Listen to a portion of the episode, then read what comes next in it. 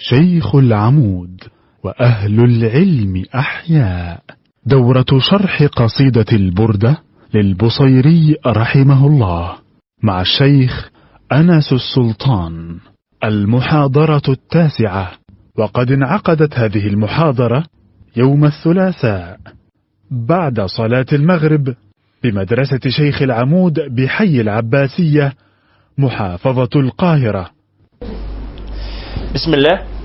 الحمد لله والصلاة والسلام على سيدنا رسول الله محمد صلى الله عليه وعلى آله وصحبه وسلم تسليما كثيرا طيبا مباركا فيه إلى يوم الدين اللهم لا علم لنا إلا ما علمتنا فعلمنا يا رب ولا فهم لنا إلا ما فهمتنا ففهمنا يا رب اللهم زدنا من لدنك علما اللهم آمين اللهم اغفر لنا ذنوبنا وإسرافنا في أمرنا وثبت على طريق الحق أقدامنا واجعلنا يا ربنا هداة مهديين غير ضالين ولا مضلين برحمتك يا أرحم الراحمين اللهم آمين ثم أما بعد هذا هو اللقاء التاسع في إطار قراءتنا ومدارستنا لقصيدة البردة للشيخ محمد بن سعيد البصيري رحمه الله. ونسأل الله تعالى أن يعلمنا في هذا اللقاء ما ينفعنا وأن ينفعنا بما علمنا وأن يزيدنا من كرمه علما. اللهم آمين. وصلنا إلى الفصل الخامس في معجزاته. صلى الله عليه وعلى آله وصحبه وسلم. والإخوة والأخوات الذين يحضرون معنا اليوم لأول مرة أهلا وسهلا بكم.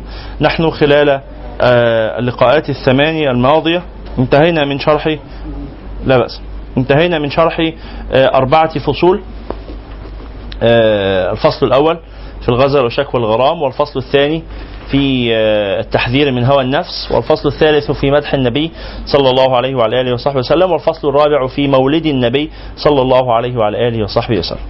انتهينا من كل ذلك ونبدأ الآن في شرح الفصل الخامس في معجزات النبي صلى الله عليه وعلى آله وصحبه وسلم وهو من أول البيت الثاني والسبعين من أبيات هذه القصيدة الشريفة. نعم؟ طيب طيب الناس اللي النسخة بتاعتها ما فيهاش الفصول من كام لكام؟ في عدد الأبيات نقول بسرعة إنه الفصل الأول 12 بيت. من البيت الأول إلى البيت الثاني عشر اللي هو إني اتهمت نصيح الشيب في عذلي. ده نهاية الفصل الأول. إني اتهمت نصيح الشيب في عذلي هذا نهاية الفصل الأول. ثم الفصل الثاني من أول قوله فإن أمارتي بالسوء إلى قوله ولا تزودت قبل الموت نافلة. البيت الثامن والعشرين. ولا تزودت قبل الموت نافلة. نهاية الفصل الثاني. من ما هو على حسب انت اصله في في بيت زائد في بعض النسخ اللي هو ولا اعارتك لون عبرة وظنا ذكر الخيام وذكر ساكن الخيم. فأنا لا أدري النسخة التي معكم فيها هذا ال...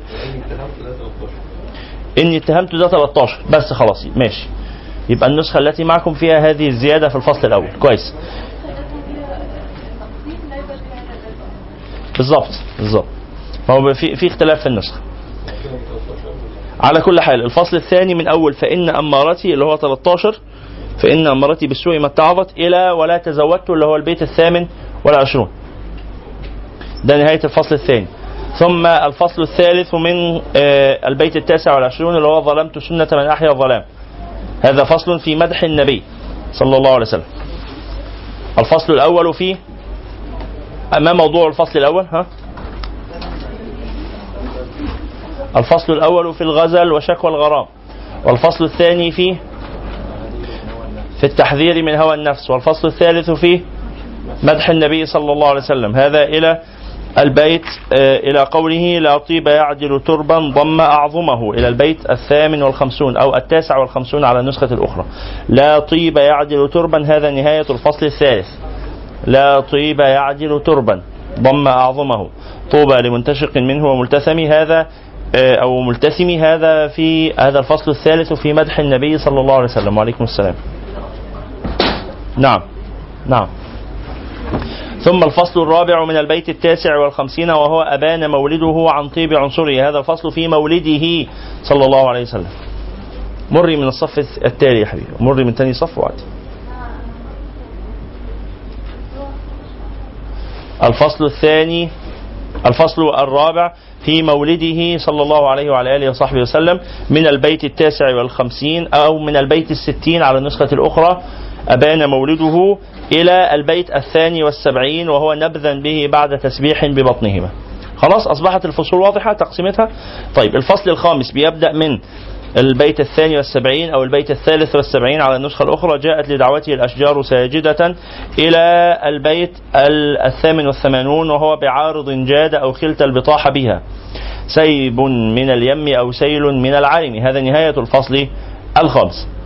ثم الفصل السادس في شرف القرآن الكريم ومدحه ويبدأ من البيت التاسع والثمانين. دعني ووصف آيات له ظهرت إلى البيت الخامس بعد المئة الأولى وهو قد تنكر العين ضوء الشمس آه، من آه، رمد. من البيت الخامس بعد المئة.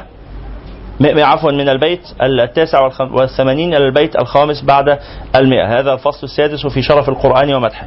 الفصل السابع في إسرائه ومعجزاته صلى الله عليه وعلى آله وصحبه وسلم. في إسرائه ومعجزاته صلى الله عليه وسلم. ويبدأ هذا آه، الفصل من البيت السادس بعد المئة. يا خير من يمم العافون ساحته. إلى البيت الثامن عشر بعد المئة. وهو لما دعا لما دعا الله داعين لطاعته بأكرم الرسل. صرنا أكرم الأمم أو كنا أكرم الأمم. هذا البيت الثامن عشر بعد المئة نهاية الفصل السابع. نهاية الفصل السابع في إسرائه ومعراجه صلى الله عليه وسلم. ثم الفصل الثامن في جهاد النبي صلى الله عليه وعلى آله وصحبه وسلم. يبدأ من البيت التاسع عشر بعد المئة راعت قلوب العدا أنباء بعثته. من البيت الثامن عشر بعد المئة راعت قلوب العدا إلى البيت التاسع والثلاثون أو الأربعون بعد المئة وهو كفاك بالعلم في الأمية معجزة. إلى نهاية كفاك بالعلم في الأمية معجزة. وهذا هو البيت الأربعون بعد المئة نهاية الفصل الثامن في الفصل الثامن في جهاد النبي صلى الله عليه وسلم. ثم الفصل التاسع في التوسل بالنبي صلى الله عليه وعلى آله وصحبه وسلم. الفصل التاسع في التوسل بالنبي صلى الله عليه وسلم وهو من البيت الواحد والأربعين بعد المئة إلى البيت الثاني والخمسين بعد المئة. من قوله خدمته بمديح أستقيل به إلى قوله ولم أرد زهرة الدنيا التي اختطفت يد زهير بما أثنى على هرمي. آه هذا هو البيت الثاني والخمسون بعد المئة نهاية الفصل التاسع. خلاص؟ في أي سؤال إلى هنا؟ واضح الكلام ده كله في ترتيبه عندكم في النسخة يعني فيش أي مشكلة. الفصل العاشر والأخير من الف... من البيت آه الثالث والخمسين بعد المئة إلى البيت ال... آه إلى نهاية القصيدة من 160 بيتا. أنا عايز أعرف بقى على النسخة الأخرى آه كم بيت؟ 161 161 إيه؟ آه البيت الزيادة ده ليس في أغلب النسخ. البيت الزيادة هذا اللي هو إزاي؟ لا مش 167 آه هقول لكم. حاضر اخبركم بهذا. طيب تفضل. القبلة بس مستقيمة مش مائلة فما تصلوش بميل. طيب آه ثم البيت آه آه وصلنا إلى 100 100 161 هذه نهاية القصيدة.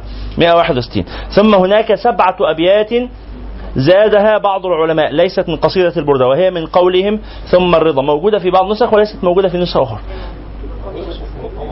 موجودة وليست مرقمة. جيد. هذه الزيادة الناس بقى اللي عندهم الكلام ده مرقم هذا ليس من البردة هذه خاتمة زادها بعض العلماء. من قوله ثم الرضا عن أبي بكر وعن عمر أو عن عمر إلى قوله فرج بها كربنا يا واسع الكرم آمين.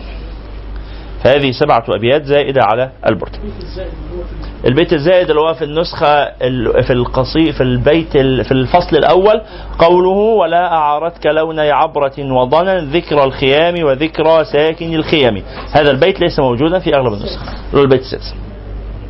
أغلب النسخ ليس فيها هذا البيت ولذلك يكون تمام القصيدة 160 بيتا. وحتى في الزيادة قال إيه؟ أبياتها قد أتت 60 مع 100 فرج بها كربنا يا واسع الكرم فأبيات البردة 160 بيتا.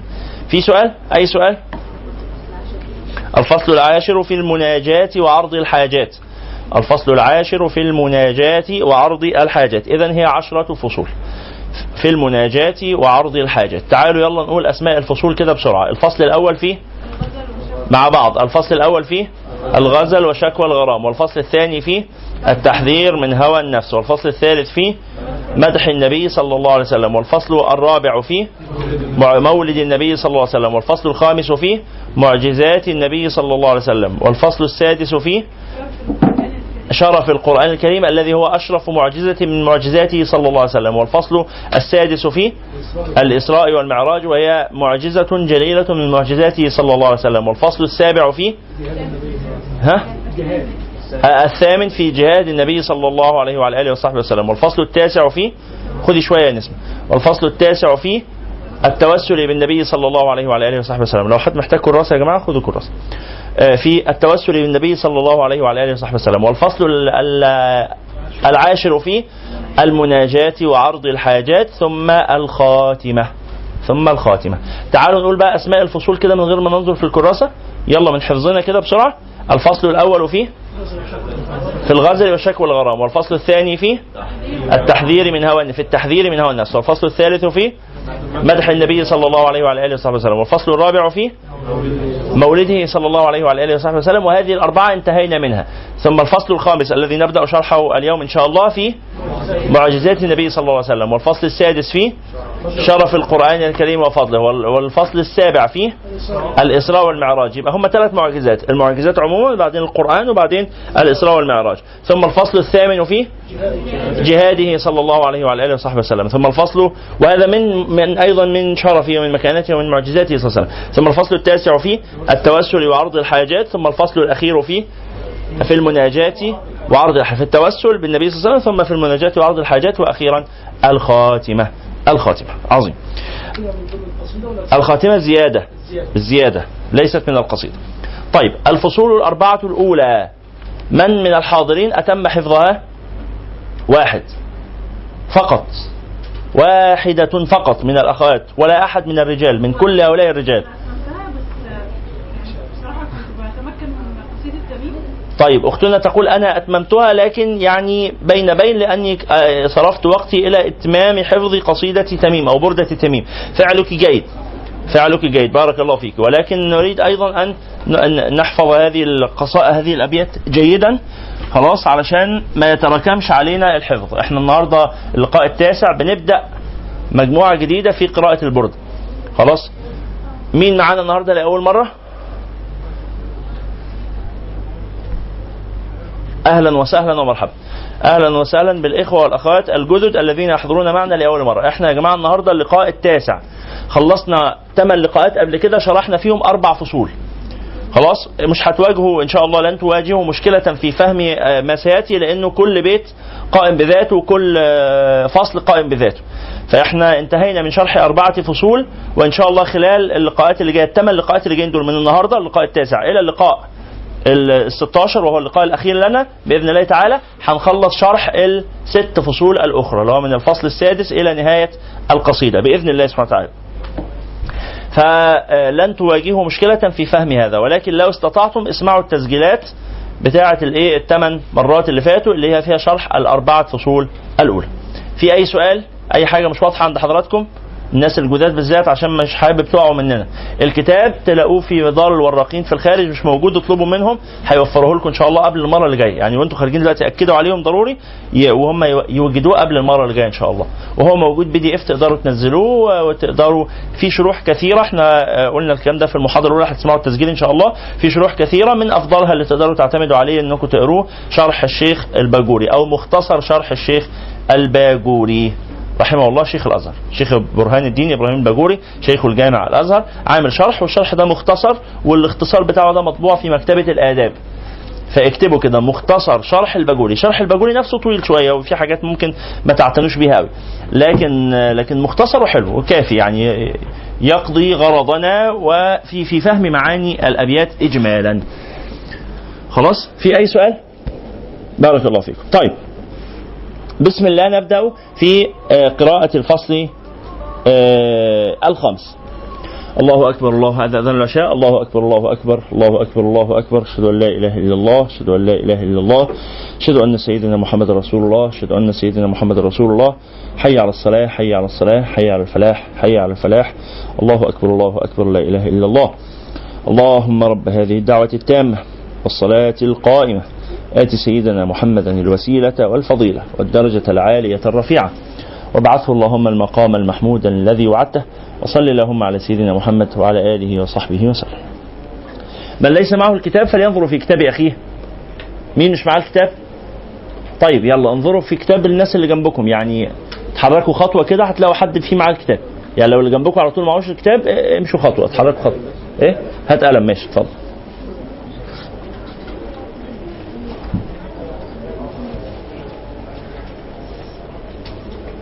ويعني لو ممكن في اللقاء اللي جاي إن شاء الله حد من الإخوة والأخوات اللي بيجي بدري عننا شوية يكتب لنا على السبورة آه، بعض الأبيات يكون خطه جيد كده وصغير ويكتب لنا مثلا سبع أو ثمان أبيات على السبورة بحيث لو حد مش معاه الكتاب نبقى شايفين مع بعض. خلاص؟ في حد كده لا هو ولا اللي جنبه معاه الكتاب؟ وعليكم السلام ورحمة الله أهلا وسهلا. بسم الله. قال جاءت لدعوته الأشجار ساجدة تمشي إليه على ساق بلا قدم كأنما سطرت سطرا لما كتبت فروعها من بديع الخط في اللقم مثل الغمامة أن سار سائرة مثل الغمامة أن سار سائرة تقيه حر وطيس للهجير حمي أقسمت بالقمر المنشق. إن له من قلبه نسبة مبرورة القسم وما حوى الغار من خير ومن كرم وكل طرف من الكفار عنه عمي فالصدق في الغار والصديق لم يرما وهم يقولان ما بالغار من أرم. ظن الحمام وظن العنكبوت على خير البرية لم تنسج ولم تحم. وقاية الله أغنت عن مضاعفة من الجنود. ومن الدروع وعن عال من الأطم ما سامني الدهر ضيما. واستجرت به إلا ونلت جوارا منه لم يضم ولا التمست غنى الدارين من يده إلا استلمت الندى من خير مستلم. لا تنكر الوحي من رؤياه إن له قلبا إذا نامت العينان لم ينم. وذاك حين بلوغ من نبوته فليس ينكر فيه حال محتلم. تبارك الله. ما وحي بمكتسب ولا نبي على غيب بمتهم. كم أبرأت واصبا باللمس راحته وأطلقت أربا من ربقة اللمم. وأحيت السنة الشهباء دعوته حتى حكت غرة في الأعصر الدهم. بعارض جاد أو خلت البطاح بها سيب من اليم أو سيل من العرم. صلى الله عليه وعلى آله وصحبه هذا هو الفصل الخامس من هذه القصيدة الشريفة يتحدث في معجزات النبي صلى الله عليه وسلم. قبل أن نبدأ في شرح هذا الفصل تعالوا نقرأه معا قراءة جماعية. تفضلوا. جاءت. جاءت لدعوته. ليه على ساق بلا قدم كأنما سطرت سطرا لما كتبت فروعها من بديع الخط في اللقم في اللقم في ال... لا آه، في اللقم أو باللقم لا بأس في اللقم أو باللقم ما فيش فرق مرة أخرى كأنما سطرت. الناس اللي بتحضر معنا لأول مرة شاركونا في القراءة مثل آه، كأنما سطرت ها؟ كأنما سطرت. كأنما سطرت سطرا لما كتبت فروعها من بديع الخط باللقم مثل الغمامة أن سار سائرة. تقي... سائرة ولا سائرة؟ سائرة. سائرة. اللي عندها سائرة يعدلوها مثل الغمامة أن سار سائرة. مثل الغمامة ها. مثل الغمامة أن سار سائرة تقيه حر وطيس للهجير حمي. أقسمت بالقمر المنشق إن له من قلبه نسبة مبرورة القسم. وما حوى الغار من خير ومن كرف ومن كرم وكل طرف من الكفار عنه عمي. فالصدق في الغار والصديق لم يرما وهم ظن الحمام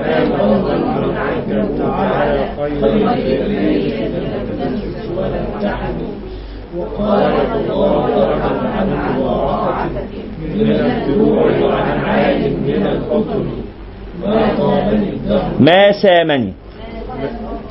عندكم ما ضامني؟ لا ما سامني. ما سامني الدهر ضيما. هم. تاني ما سامني. لا ما سامني الدهر ضيما. أنتوا عندكم ما ضامني الدهر يوما؟ مفيش مشكلة. مفيش مشكلة. بس هو الصحيح الصحيح مفيش مشكلة في المعنى. بس الصحيح في في النص هو ما ما سامني الدهر ضيما. سامني أي أذاقني وضيما يعني ظلما. ما سامني الدهر ضيما. خلاص لكن لو قلنا ما ضامني الدهر يوما المعنى صحيح أيضا. يلا ما سامني.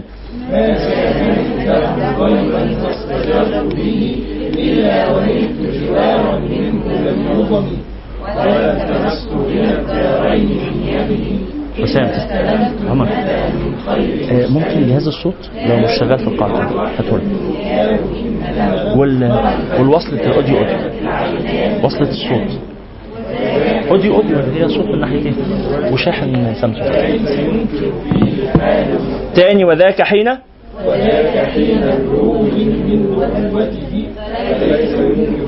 فليس ينكر فيه وذاك حين.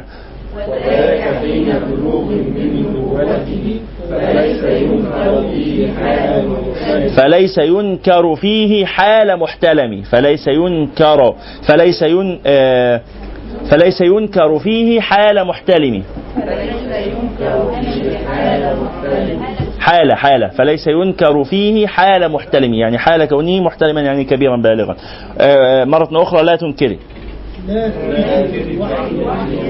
لا تنكر. تاني ها؟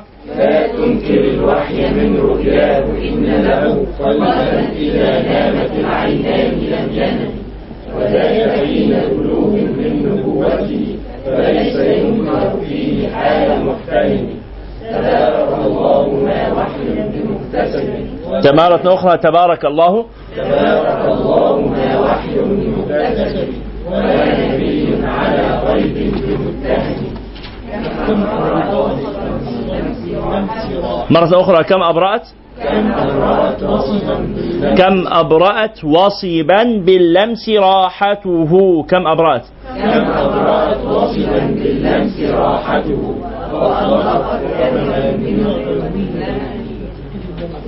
إيه اللي انت قلت له؟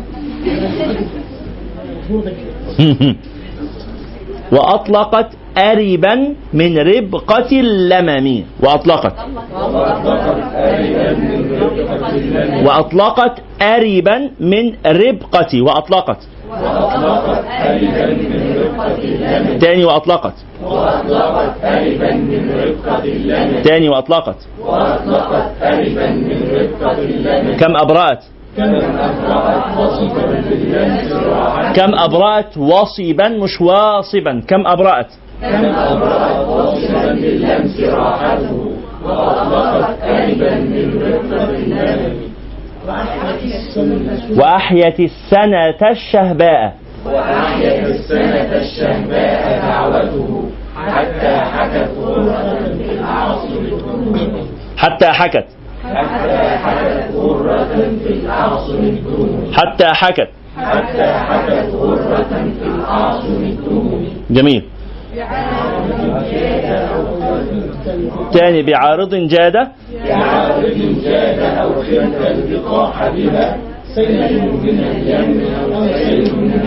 استر يا ساتر استر يا رب.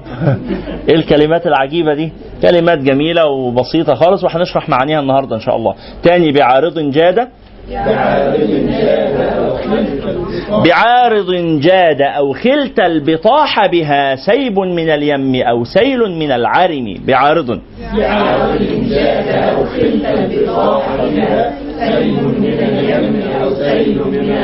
تاني بعارض جاد بعارض جاد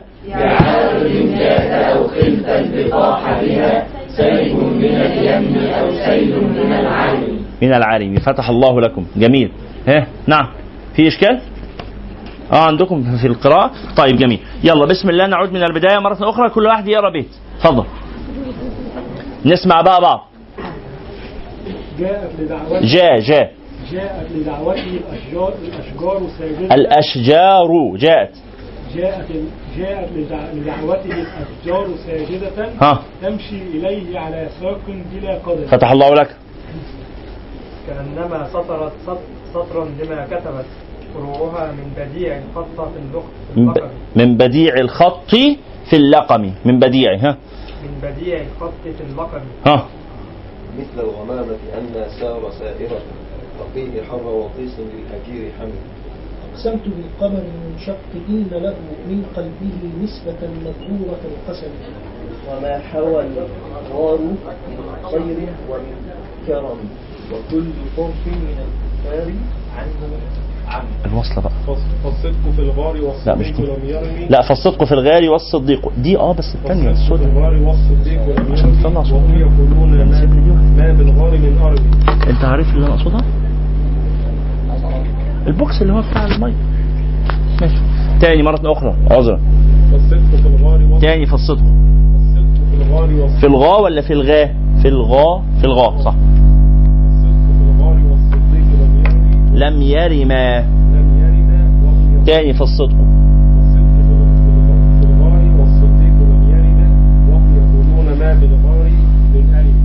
فتح الله لك كمان مرة والصديق لم وهم يقولون ما بالغار من أرم فتح الله لك. العنكبوت على خير البرية لم تنسج. لم تنسج لم تنسج لم تنسج ولم العنكبوت على خير البرية لم تنسج ولم فتح الله لك. ها أستاذ علاء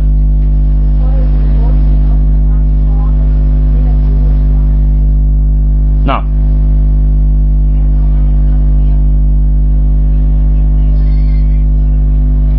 فتح الله لك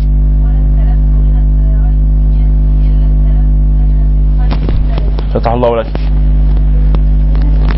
ولا التمست ولا التمست. انت مكتوب انت قلت إيه؟ استلمت. التمست أي صح. ولا التمست غنى الدارين من يده إلا استلمت الندى. أستاذة. في عند حضرتك حاجة مختلفة عن كده؟ تمام مظبوط؟ طيب يلا. لا بس الصف الأول معلش.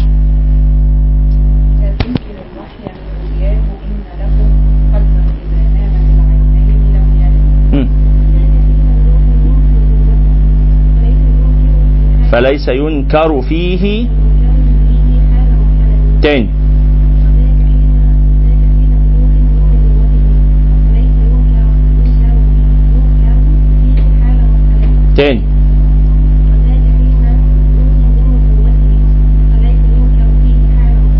فتح الله لك. تبارك الله ما وحي بمكتسب ولا نبي على غيب بمتهم فتح الله لك.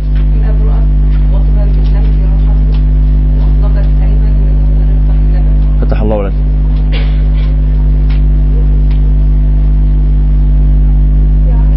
وأحيا. ما تمام حلو أوي. الصوت بقى شغال هنا في السماعة دي شكرا يلا بسم الله مم.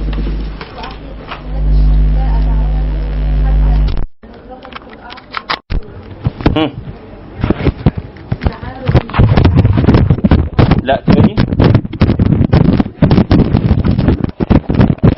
بها سيف من اليم أو سيف من العلم ابعت له نعم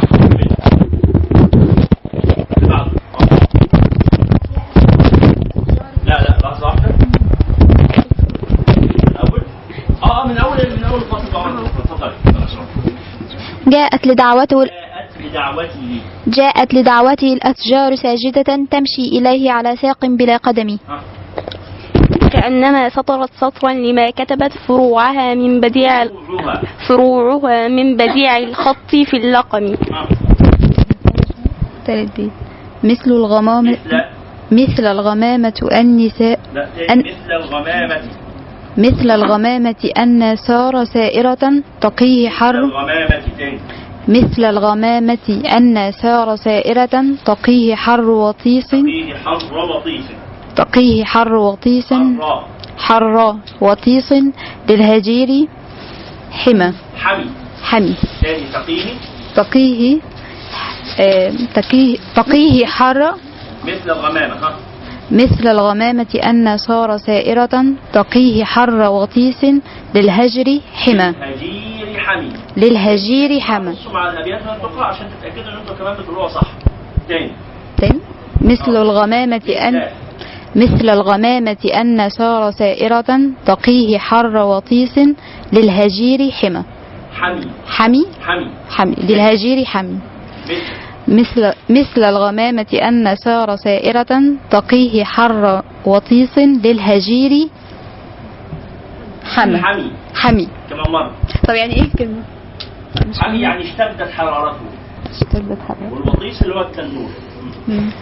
مثل الغ... مثل الغمامة أن سار سائرة تقيه حر وطيس للهجير حمي. حمى. حمي. حمي. حمي. حمي. حمي. اشتدت حرارته. حمي. عارفه حمي. ده حامي. مش مش ده مصطلح حتى هنقوله بالعامية حامي. حار جدا ها؟ الشمس حميت وهكذا. قولوا لعين. الشمس ما تحماش ونحو ذلك مرة أخرى. مثل الغمام. مثل الغمامة أن سار سائرة تقيه حر وطيس للهجير حمي. أقسمت بالقمر المنشق إن له من قبله نسب من قلبه. من قلبه نسب مب- نسبة. نسبة مبرورة القسم. مبرورة. مبرورة القسم. تاني. أقسمت بالقمر المنشق إن له من قلبه نسبة مبرورة القسم. مبرورة. مبرورة القسم. تاني. أقسمت بالقمر المنشق إن له من قبل من قلبه نسبة مبرورة القسم. أقسمت بالقمر المنشق إن له من قلبه نسبة مبرورة القسم فتح الله لك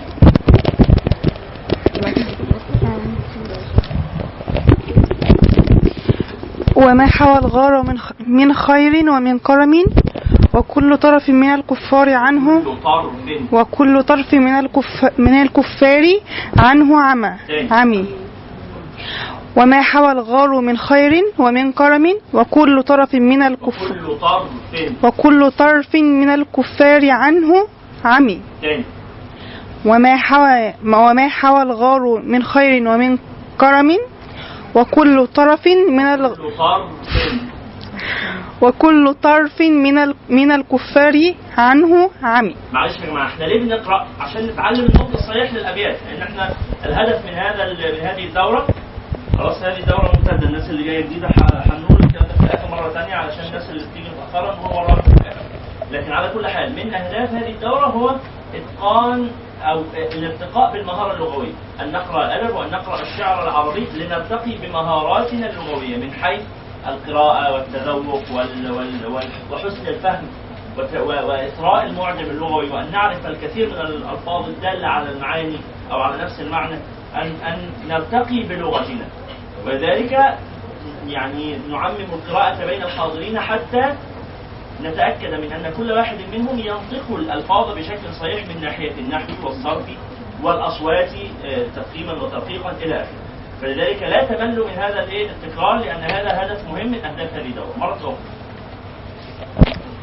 وما حوى الغار من خير ومن كرم وكل طرف من الكفار عنه عمي. فتح الله لك فالصدق في الغار والصديق لم يرما وهم يقولون ما بالغار من أرمي. الله أكبر. فتح الله. لك ظن الحمامة وظن ظن الحمامة وظن العنكبوت على خير البرية لم تنسج ولم تحمي. وقاية الله أغنت عن مضاعفة من الدروع وعن عال من الأطم.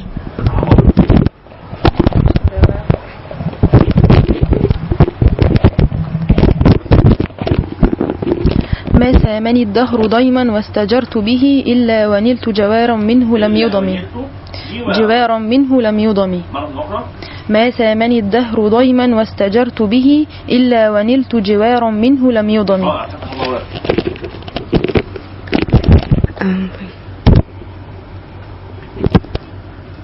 ولا التمست ولا التمست غنى الدارين من يده إلا استلمت الن- الندى من خير مستلم فتح الله لك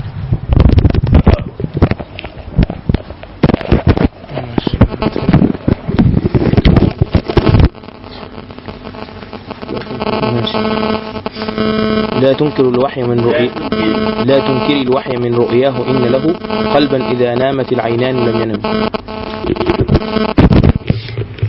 وذاك حين بلوغ من نبوته فليس ينكر فيه حال محتلم. حالة ينكر. ينكر فيه حالة محتملة ينكر ولا ينكر؟ ينكر. حاله.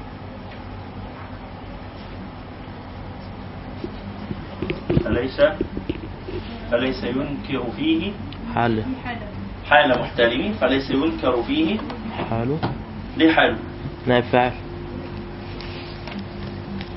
من إيه؟ ينكر ببني المجهول أيوه صح صح صح. مرة أخرى فليس ينكر.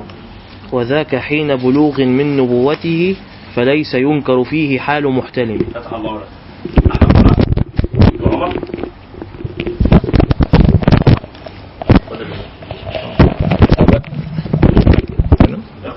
تبارك الله ما وحي بمكتسب بمكتسب. بمكتسب ولا نبي على غيب بمتهم. فتح الله لك. كم أبرأت وصبا باللمس راحته؟ وصبا كم أبرأت وصبا باللمس راحته راحته وأطلق راحته وأطلقت أربا من رقة وأطلقت أربا من رقة اللمم. قتل اللمم. وأطلقت آه، وأطلقت أربا من رفقة اللمم. اللمم.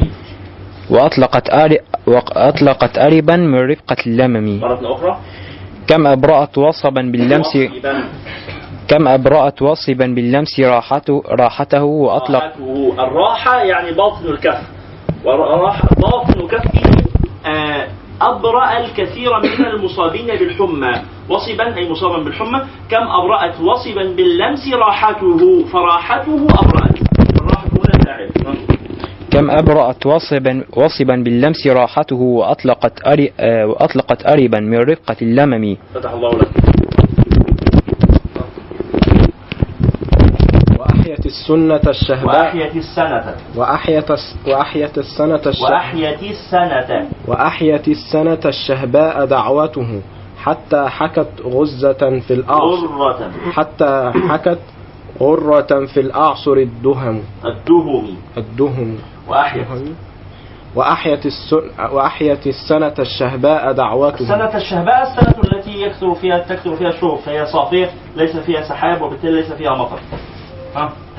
حتى حكت وأحيت. وأحيت السنة الشهباء دعوته. حتى حكت غرة في الأعصر الدهم. الدهم. الدهم. ثاني واحد. وأحيت السنة الشهباء دعوته. حتى حكت غرة في الأعصر الدهم. ثاني حتى حكت. حتى حكت غرة في الأعصر الدهم. وأحيت. ثاني وأحيت السنة. وأحيت السنة الشهباء دعوته. حتى حكت غرة في الأعصر الدهم الدهم الدهم آه عندي الهاء م- مضموم إيه؟ عندي الهاء مضموم حتى حكت غرة في العصر الدهم أه. الدهم آه. وأحيت السنة الشهباء دعوته حتى حكت غرة في الأعصر الدهم مرة أخيرة. وأحيت السنة الشهباء دعوته حتى حكت غرة في الأعصر الدهم فتح الله لك. من لم يقرأ؟ خلاص كده؟ لا هي ينكر بها ولا ينكر؟ لا ينكر ليس ينكر. هنشرح كله. إحنا لسه هنشرح شيء بعد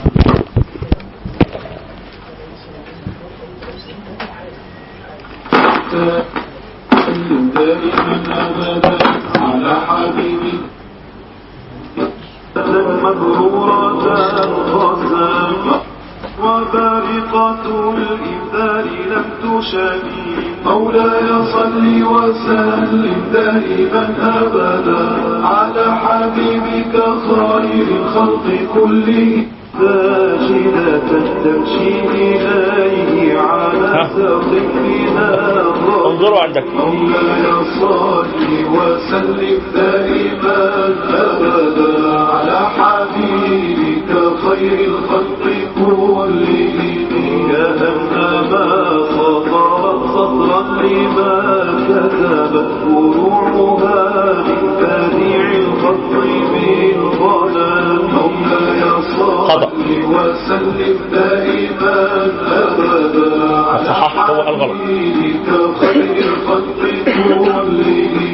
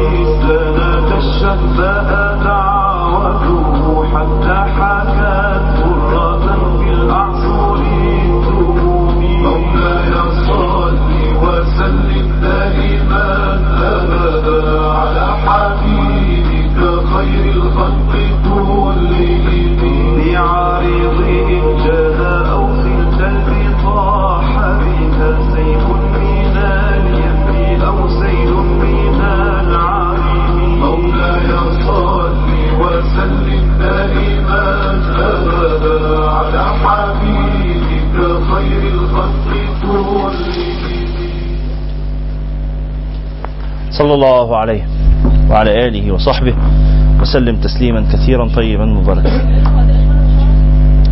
لا هذه قصيدة البردة كاملة بصوت آه، فريق سوري منش... آه، فريق إنشاد سوري اسمه فريق المادحين. فريق المادحين. فيمكنكم أن تكتبوا فقط يعني بردة البوصيري بصوت فرقة المادحين. هم يقرؤون كل فصل بلحن مختلف. وهي قصيدة يعني آه، آه، يعني قراءتهم لها جميلة جدا وإن كانت لا تخلو من أخطاء آه، ظهرت أو ربما في بعض الأشياء ليست أخطاء إنما اختلاف في النسخ. فبعض ما يقرؤونه مختلف في النسخ عن النسخة التي نحفظها وبعضها أخطاء لكنها قليلة يعني أخطاءهم قليلة جدا.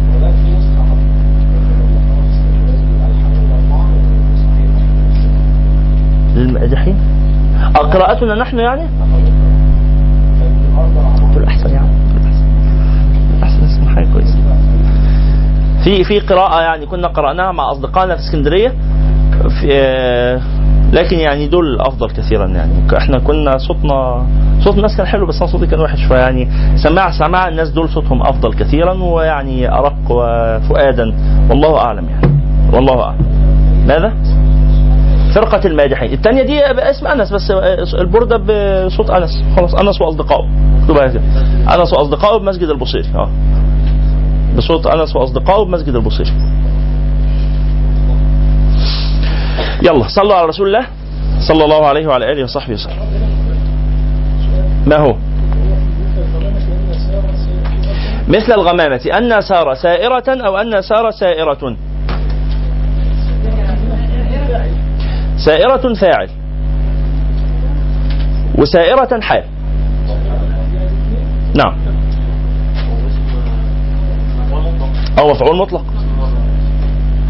بس بس هي لا يعني حال. الحال أنها كلما سار تكون سائرة. طيب بسم الله نبدأ الشرح في أي سؤال؟ أي سؤال حتى الآن في قراءة كلمة أو كل الكلمات أصبحت مقروءة؟ نعم.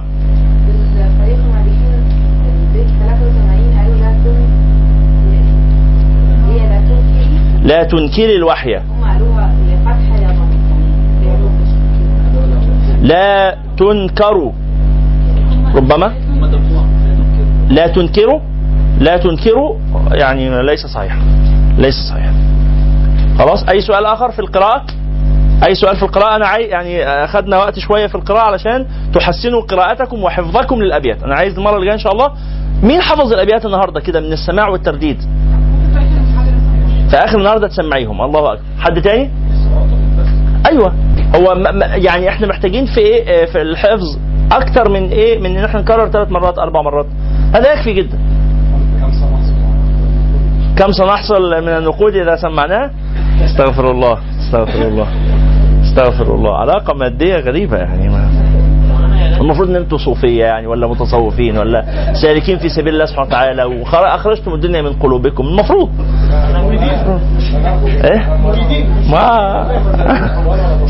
نأخذ هذه الاموال ونتصدق ببعضها يعني.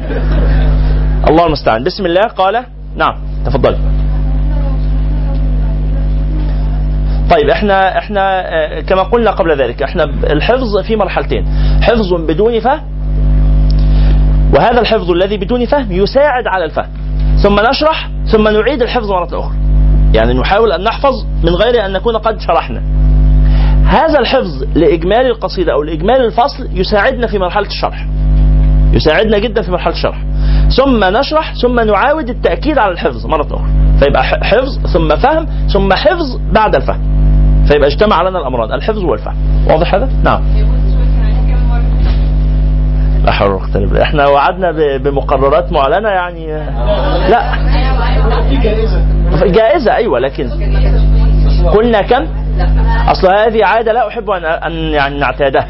إحنا ما بنحطش تسعيرة إحنا إحنا بنقول نحفظ ونكون مستعدين وفي وقت من الوقت نقول مين حافظ؟ اللي جاهز يعني بما يفتح الله. حدنا وقت. يلا النهارده مين حافظ وردة شوقي؟ مين أتمها؟ حبيبة. حد تاني؟ حد تاني غير حبيبة؟ مين أتم بردة تميم النهارده؟ آه مين جاهز دلوقتي يسمع دي أو دي؟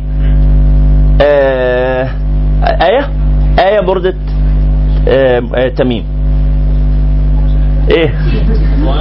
ها؟ وفي حديث أم زرع حفظتيه كده مش هنلاقي ناكل لغاية آخر الشهر تحفظوا ليه؟ طيب آية حافظة حديث أم زرع جيد نبدأ بآية بسرعة حديث أم زرع ها اسمعوا بس أختكم وركزوا معايا لو سمحت لا انتظر يا إيه انتظر انتظر. معلش. عشان إيه؟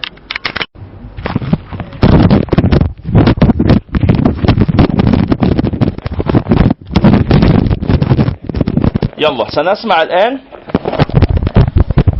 سنسمع حديث أم زارة حديث سيدة عائشة رضي الله تعالى عنها وأرضاها. من أختنا آية روي في الصحيحين عن عائشة رضي الله تعالى عنها قالت جلست إحدى عشر امرأة فتعاهن وتعاقن ألا يكتمن من أخبار أزواجهن شيئا. فقالت الأولى زوجي لحم جمل غث على رأس جبل وعي لا سهل فيرتقى ولا سمين فينتقل. فقالت الثانية زوجي لا أبث خبره إني أخاف ألا أذره إن أذكره أذكر عجره وبجره. فقالت الثالثة زوجي العشنق إن أنطق أطلق وإن أسكت أعلق.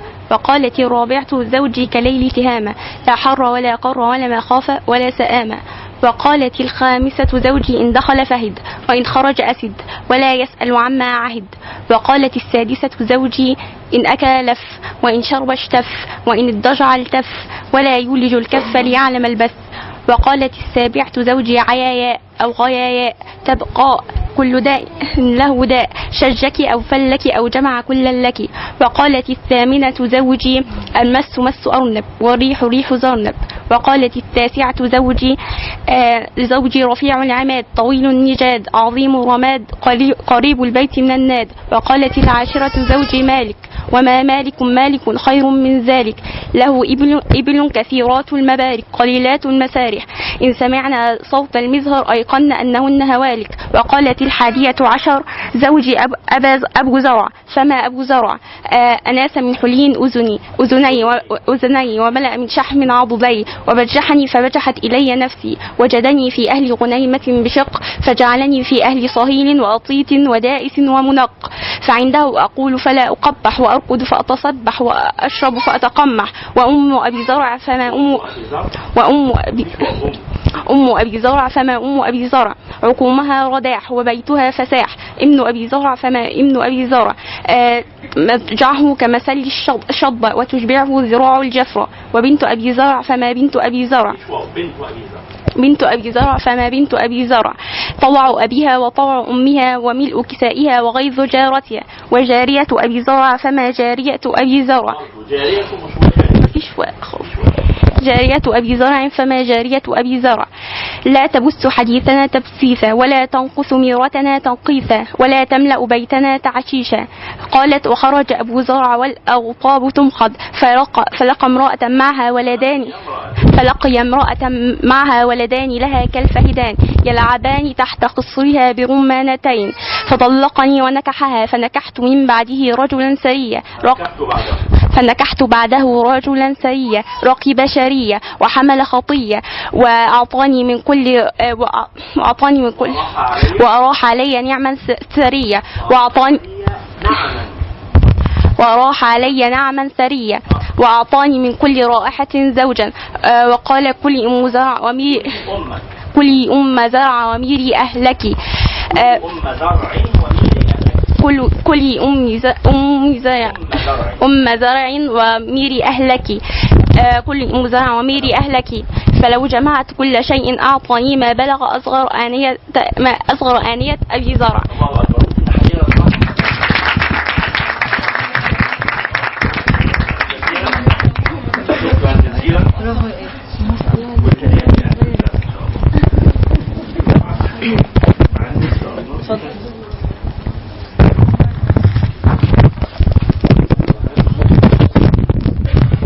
هي ما- ما غلطتش ولا غلطة ولا غلطة.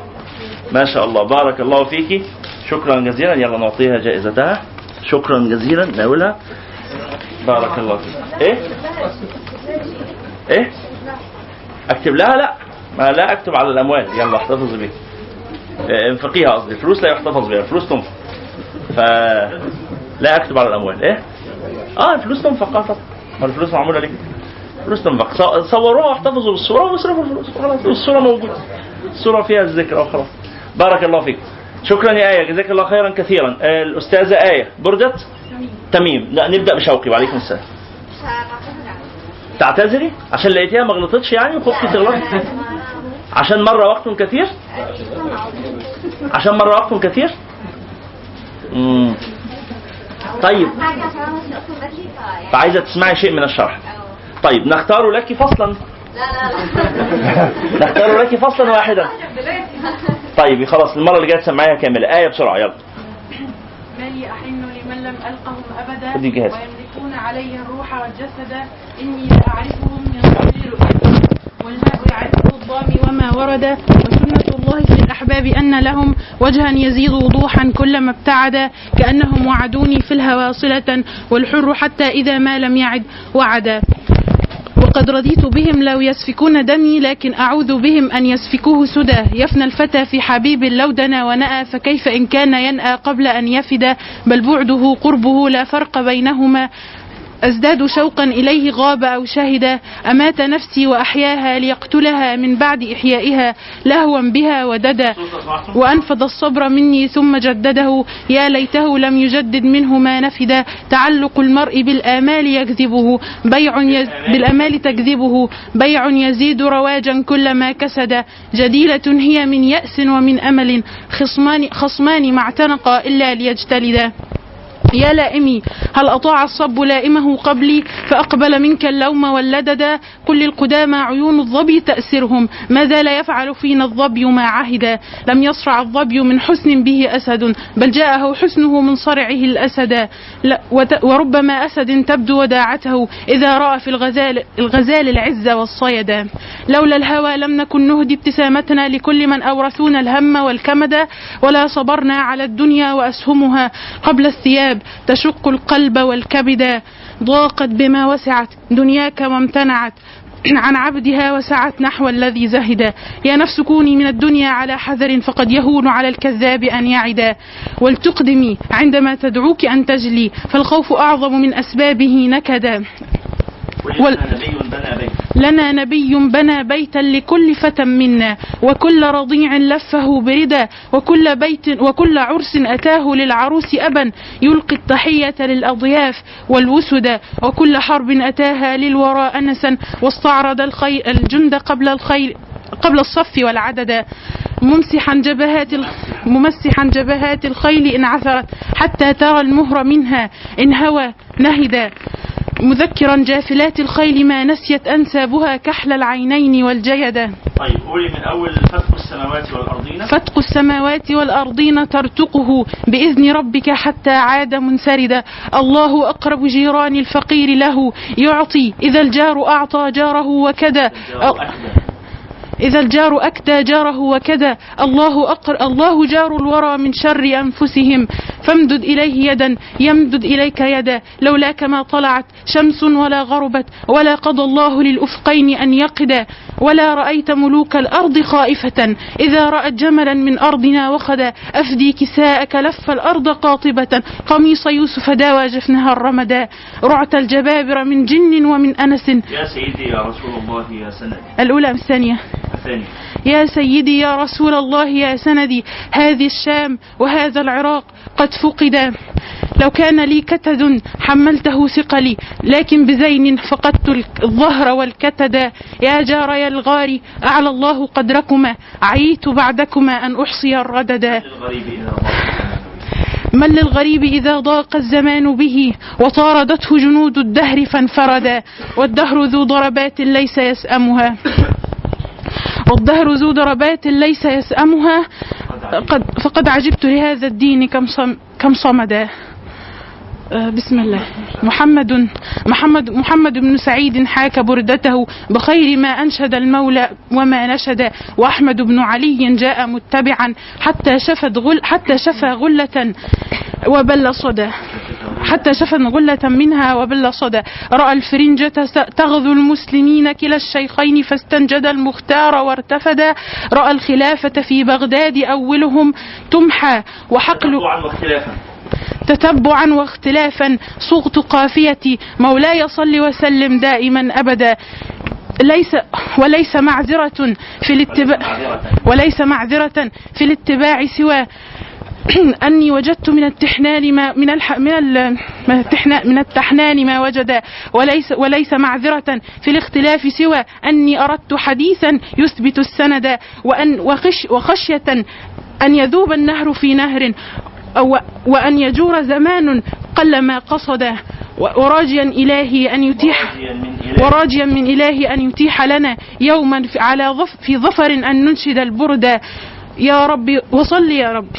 وصل يا ربي ما غنت مطوقة مط- مطوقة تعلم الغصن من من إطرابها ال- الميدة على محمد النب الهادي محمدنا نبينا شيخنا. على محمد الهادي محمدنا نبينا شيخنا مهما الزمان عدا. وهذه بردة أخرى قد اختتمت أبياتها مئتان استكملت عددا. يا ربي واجعل لنا أنا أسفة. يا ربي واجعل ل... و... يا ربي واجعل لنا يا ربي واجعل من ال... من الختم البداية. واجعل لنا. يا ربي واجعل لنا من الختم البداية. من يا رب واجعل- ختم البداية. ما فيش لنا؟ آه لا. آه، لنا أظن بعدها يا رب واجعل من الختم البداية. يا ربي واجعل لنا من الختم البداية وانصرنا وهي يا رب واجعل مش تمام من الختم ور- يا ربي واجعل من الختم البداية وانصرنا وهيئ لنا من أمرنا رشدا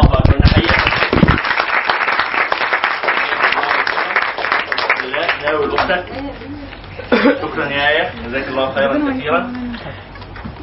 ما شاء الله ما شاء الله. حبيبة ها؟ حبيبة. يلا نختار لك أبيات.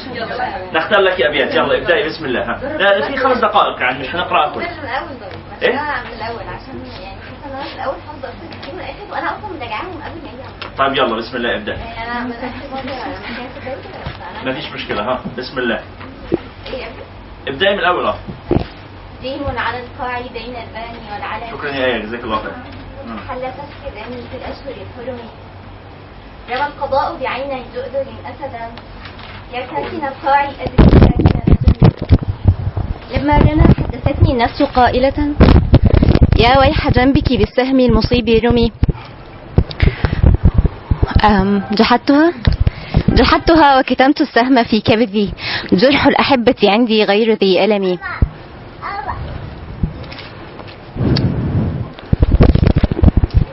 أم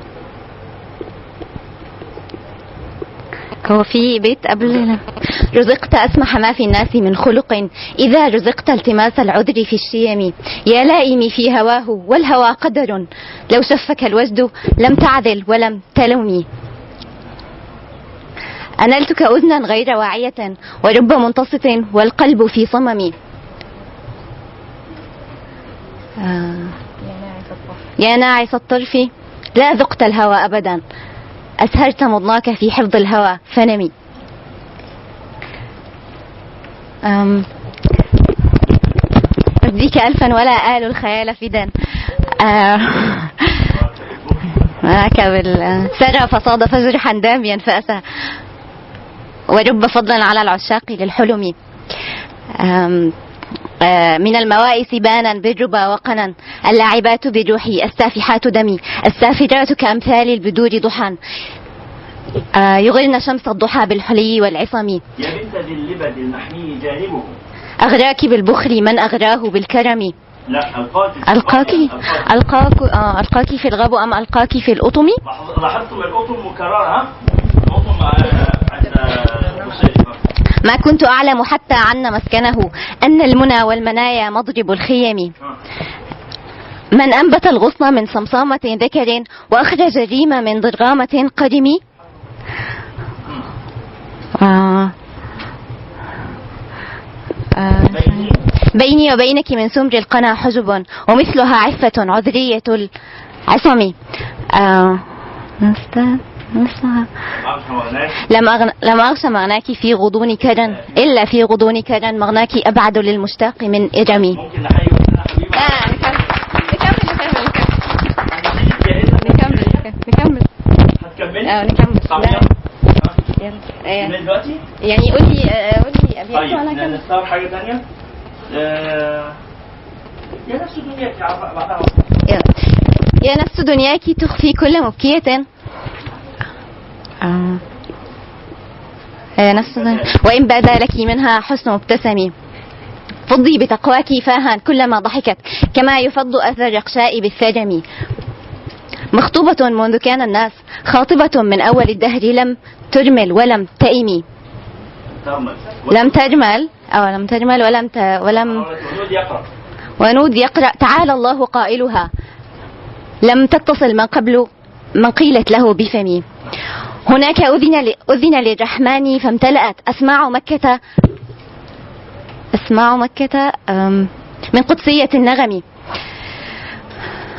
فلا تسأل عن قريش كيف حيرتها وكيف نفرتها في السهل والعلم.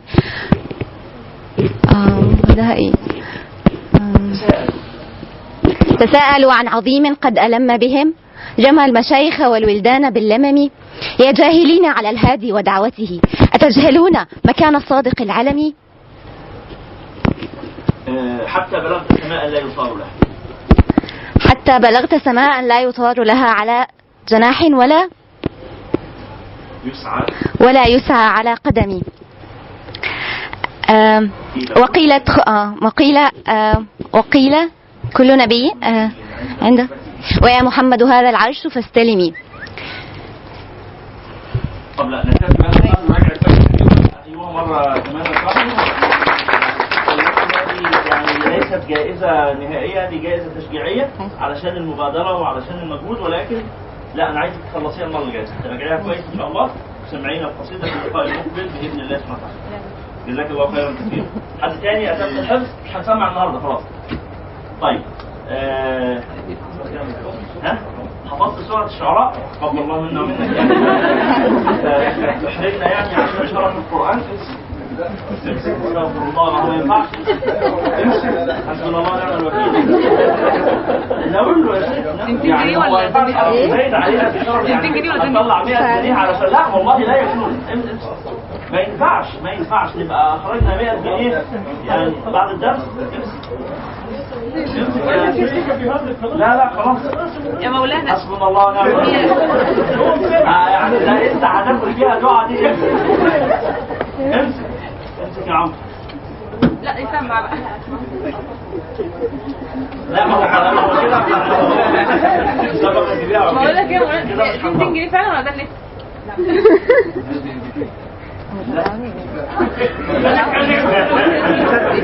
ده يعني لو شايفين عمل إيه؟ الراجل ده ممول من الخارج جيب الحاجات دي منين؟ اداني 20 دولار كده مظبوط؟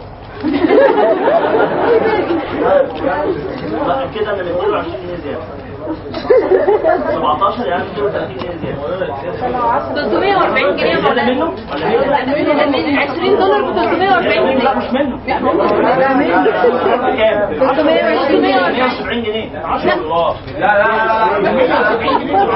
يا مولانا 20 دولار ب 340 طيب طيب يا جماعة ال- الاخره والمهم تعاون على البر ده عملت كده ليه؟ انت لو سمعت أنا بيقول طب لو سمعت برج التميم بالإنجليزي اخدها يا سلام. طيب معانا هنا كمان 5 دولار. على 20 دول. فالحمد لله رب. العالمين. نقبل العيديات باليورو والدولار عليه العوض. الحمد لله. انت جبتها منين دي طلعتها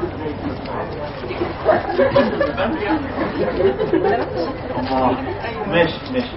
انت كنت قلت لي انك حافظه القصص والبتاع كنت اتفضلي لو معاكي دولارات برضه يعني. طيب بارك الله فيك. آه، ولو سمحتوا آه، احفظوا الباقيين ما تحفظوش احفظوا يلا نقرأ بقى الفصل الخامس. الفصل الخامس في معجزاته صلى- صلى الله عليه وسلم. جاءت لدعوته الأشجار ساجدة تمشي إليه على ساق بلا قدم كأنما سطرت سطرا لما كتبت فروعها من بادع الخط في اللقم مثل الغمامة أن سار سائرة تقي حر للهجير غير حمي مولاي صل وسلم دائما أبدا. على حبيبك خير الخلق كلهم أقسمت بالقمر المنشق إن له من قلبه نسبة مبرورة القسم. وما حوى الغر من خير ومن كرم. وكل طرف من الكفار عنه عامي.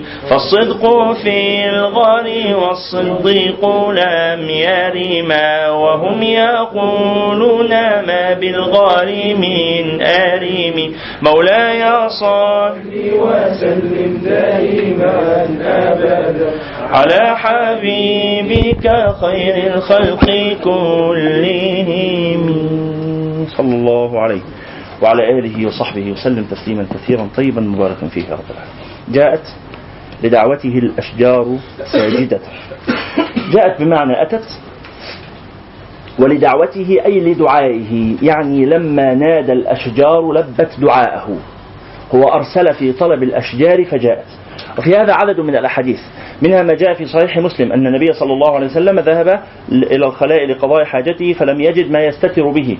ووجد شجرتين متباعدتين فذهب إلى الأولى فأمسك طرفها وقال اتبعيني بإذن الله. وسار بها فسارت معه حتى ذهب عند الثانية فأمسك بطرفها وقال اتبعيني بسم الله. وسار بها فسارت معه فالتأمت الشجرتين أصبحت شجرة عظيمة. فاستتر بهما النبي صلى الله عليه وسلم حتى قضى حاجته. ثم قال لهما عودا إلى مكانكما. فعادت كل واحدة إلى مكانها. وهذا وفي حديث آخر أن النبي صلى الله عليه وعلى آله وصحبه وسلم كان على سفر مع أصحابه فلقيه واحد من الأعراب. فالنبي صلى الله عليه وسلم قال له إلى أين أعرابي فقال إلى قومي. قال ألك إلى خير؟ يعني أدعوك إلى خير؟ أتجيب إلى خير إن دعيتك إليه؟ فقال وما هو؟ قال تشهد أن لا إله إلا الله وأني رسول الله أرسلت إلى الناس كافة. قال وما يشهد لك؟ يعني أنا سأشهد لك بناء على ماذا؟ وما يشهد على صدقك وما يشهد لك قال تشهد لي هذه الشجرة المثمرة هناك. اذهب فقل لها رسول الله يدعوك. فذهب الأعرابي فقال لها رسول الله يدعوك. فجاءت الشجرة فقال لها رسول الله صلى الله عليه وسلم أتشهدين أني رسول الله؟ قالت أشهد أن لا إله إلا الله وأنك رسول الله. فقال الأعرابي يا رسول الله ائذن لي أن أسجد لك.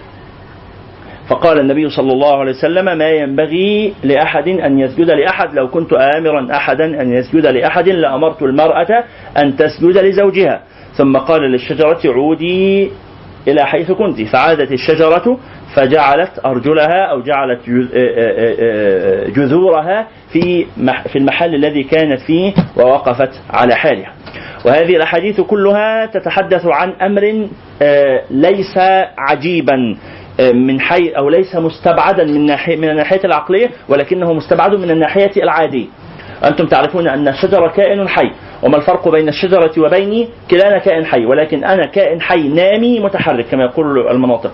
كائن حي نامي يعني أنا أنمو وأتحرك والشجرة كائن حي نامي غير متحرك ثابت. وأنا عندي آه، آه، آه، أرجل والشجرة عندها أرجل ولكن أنا أرجلي منبتة عن الأرض مفكوكة عن الأرض والشجرة أرجلها ثابتة في الأرض غائرة في الأرض. فالعادة أن الأشجار لا تتحرك ولكن الله سبحانه وتعالى إن شاء غير العادات. إن شاء الله غير العادات. وأنتم تعرفون أن الأحكام العادية متغيرة ولكن الأحكام العقلية ثابتة غير متغيرة. فكون الشجرة متحركة أو غير متحركة هذه من الأحكام العادية والله سبحانه وتعالى يغير العادات لمن شاء.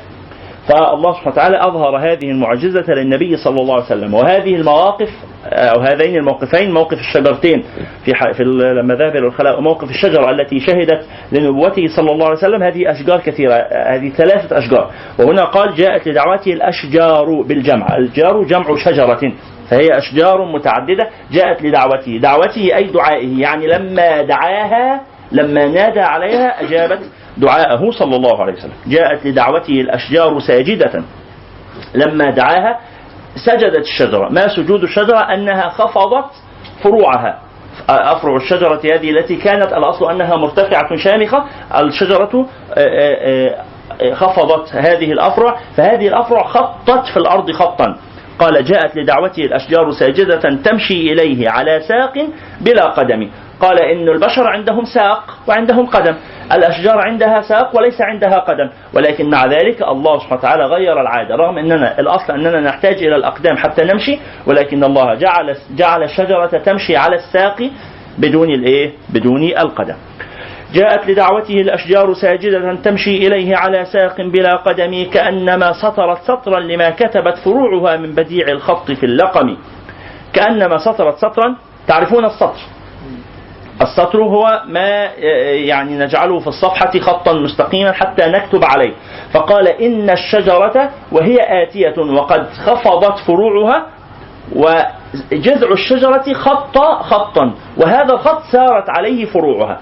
يعني أن الساق سطر سطرا ثم هذا السطر سارت عليه الفروع. كأنما سطرت الشجرة كأنما سطرت سطرا لما كتبت فروعها. فروع الشجرة كتبت على هذا السطر فهمتم المعنى؟ يعني السطر يتحرك الخط يتحرك الساق يتحرك ثم تأتي هذه الفروع الساجدة فتكتب على هذا السطر. وهذا طبعا معنى مجازي ليس معنى حقيقي وإنما هي تكتب من آيات عظمته وفضله ومكانته صلى الله عليه وعلى آله وصحبه وسلم. كأنما سطرت هذه الشجرة سطرا لما كتبت فروعها من بديع الخط في اللقم واللقم هو وسط الطريق. فقد سارت الشجرة وسط الطريق فخطت فيه هذا الخط وكتبت الفروع فيه هذه الكتابات فهذا اللقم هو وسط الطريق, الطريق. نعم. كأنما سطرت سطرا لما كتبت فروعها من بديع الخط في اللقم مثل الغمامة أن سار سائرة تقيه حراطيس للهجير حمي يقول هذه المعجزة السابقة معجزة سير الشجرة ليست هي المعجزة الوحيدة في سير الأشياء له. فإن الله سبحانه وتعالى قد جعل أشياء أخرى غير الشجر يسير له صلى الله عليه وسلم مثل الغمامة. يعني الشجرة مثل الغمامة. ما وجه التشبيه؟ أن كلاهما يسير. أن كلاهما يسير. وجه التشبيه أن الغ... أن ال... ال... الأشجار سارت مثل ما سارت الغمامة من قبل. مثل الغمامة. أن سار سائرة. وأنتم تعرفون هذه الايه الواقعة أن النبي صلى الله عليه وسلم قبل أن يبعث لما كان في رحله اولا لما لما أخذته السيدة حليمة السعدية إلى سيده حليمة المرضعه أخذته إلى قومها لترضعه. فتحدثت عن أنها كلما سارت أظلتها غمامة. ها؟ إيه؟ وصل وظللته فصارت تستظل به غمامة. ها؟ وظللته فكانت تستظل به غمامة جذبتها خيرة الديم. غمامة تعالى يا أخي هنا تفضل. أهلا وسهلا. غمامة جذبتها خيرة الديم. هذا شوقي. وظللته فصارت تستظل به غمامة ظللتها حركتها جذبتها خيرة الديم. نعم. أين؟ في هذا البيت؟ وظللته فصارت تستظل به غمامة. وظللته غمامة. وظللته فكانت آه وظللته فكانت تستظل به غمامة. نعم. فقال مثل الغمامة أن سار سائرة. هذا الموقف كان قبل أن يبعث. في موقف رضاعته وفي موقف تجارته. ولكنه لما بعث توقفت الغمامة عن تضليله. فأصبح أصبحت الشمس تصيبها بحره صلى الله عليه وسلم. فتضليل الغمام له وهذا ملمح لطيف أن تضليل الغمام له كان قبل أن يبعث لإظهار شرفه وعلو منزلته كإرهاص لنبوته. تعرفون الإرهاص؟ الإرهاص أمر خارق للعادة يجري الله تعالى قبل بعثة النبي إيذانا بقرب قدومه. يعني ليعلم الناس أن هذا الرجل شريف. طيب جاء الرجل الشريف صلى الله عليه وسلم وظهرت نبوته وبان بين الناس قدره. وجود الغمامة تظله صلى الله عليه وسلم من علامات الترفيه. وليس الشأن في في الأنبياء أن يكونوا من المرفهين. خصوصا أولو العزم من الرسل. ليس الشأن فيهم أن يكونوا مرفهين. وأنتم تذكرون قول تميم حين قال قد كنت تنصر في الهيجة بكف حصن إذا رميت به جمع العدا همدا لكن ربي أراد الحرب مجهدة والنفس تطهر إن عودتها الجهد. لو كان ربي يريح الأنبياء لما كانوا لمتعبة الدنيا أسا وقدا. لو كان ربي يريح الأنبياء دعا لنفسه خلقه واستقرب الأمد. فالنبي صلى الله عليه وسلم كانت تظله الغمامة قبل أن يكون نبيا. ثم لما أصبح نبيا أصبحت الشمس تصيبه بحرها وتؤذيه بشدتها ويشهد ويدل على ذلك أنه صلى الله عليه وسلم لما هاجر إلى المدينة وكان معه سيدنا أبو بكر الصديق فكان سيدنا أبو بكر يظله من الشمس يحمل المظلة للنبي صلى الله عليه وسلم. وكان النبي صلى الله عليه وسلم إذا كان مع أصحابه في سفر وجلسوا للراحة تركوا له الشجرة ال- ال- الظليلة ليستظل بظله فهذا يعني أنه لم تعد الغمامة تظله بعد بعثته صلى الله عليه وعلى آله وسلم لأن الحياة بعد البعثة يناسبها الإيه؟ شظف العيش وأن يظهر أمام الناس أنه واحد من البشر ليس يعني لا يستغل وهذا يعني ال- ال- البسطاء يتصورون أنهم إن, أصحاب إن أصبحوا من أصحاب الكرامات سيستعملون الكرامات في منفعتهم الدنيوية فيقول أنا أستعمل ما أكرمني الله به من الكرامات لتحويل ال- ال- التراب إلى ذهب وأستعمل ما أكرمني الله به من الكرامات إن أنا أسافر في جو مكيف. أهل الله لا يعني يستعملون الكرامات التي يكر- يكرمهم الله سبحانه وتعالى بها آه، بهم آه، أو بها لا يستعملون هذه الكرامات في سعادتهم الدنيوية. ولكنهم يستعملونها في الدعوة إلى الله وفي هداية العباد ولكنهم في الدنيا يعيشون عيشة المساكين وعيشة الفقراء. نعم. قال مثل الغمامة أن سار سائرة تقي حر وطيس للهجير حمي الوطيس هو التنور أو الفرن. تعرفون الفرن؟ هذا هو الوطيس.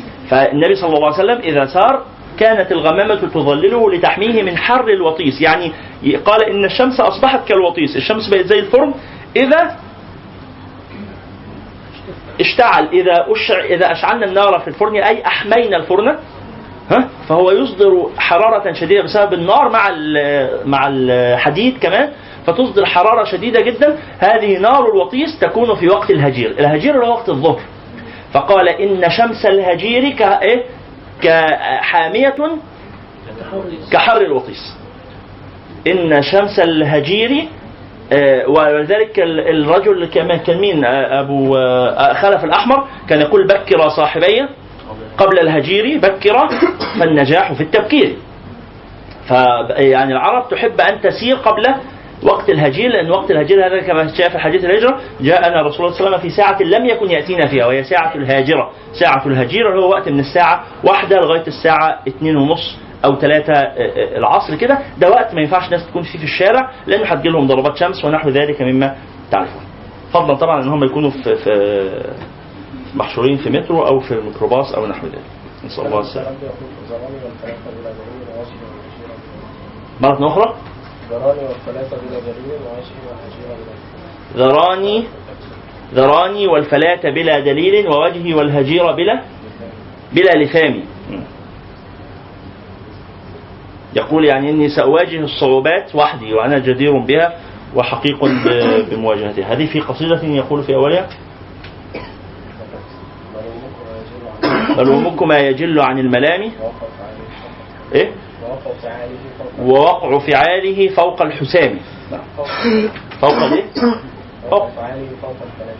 ووقع فعاله فوق الك... ملامكما يجل عن الملام ووقع فعاله فوق الكلام. مثل الغمامة أن سار سائرة تقيه حر وطيس للهجير حمي. أقسمت بالقمر المنشق. أقسمت بالقمر. هل يجوز القسم بالقمر؟ لا لا يجوز القسم بالقمر. لا يجوز القسم بالقمر لأن الله سبحانه وتعالى يقول لأن النبي صلى الله عليه وسلم يقول من كان حالفا فليحلف بالله أو ليصمت. فأقسمت بالق- بالقمر هنا معناها أقسمت برب القمر. أقسمت برب القمر. هنا في آه، آه، لفظ رب محذوف. إيه اللي يدل على إنه محذوف؟ القرينة. إيه القرينة؟ إنه قال هذا الكلام مسلم. مسلم. لا يقسم بال بال بال بالمخلوقات إنما يقسم بالله.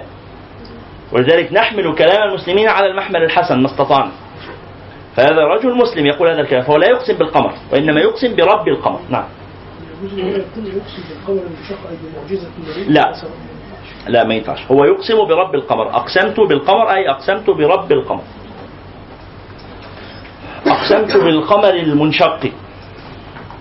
إن له تعرفون انشقاق القمر هذه معجزة من معجزاته الشريفة صلى الله عليه وسلم من أجل معجزاته.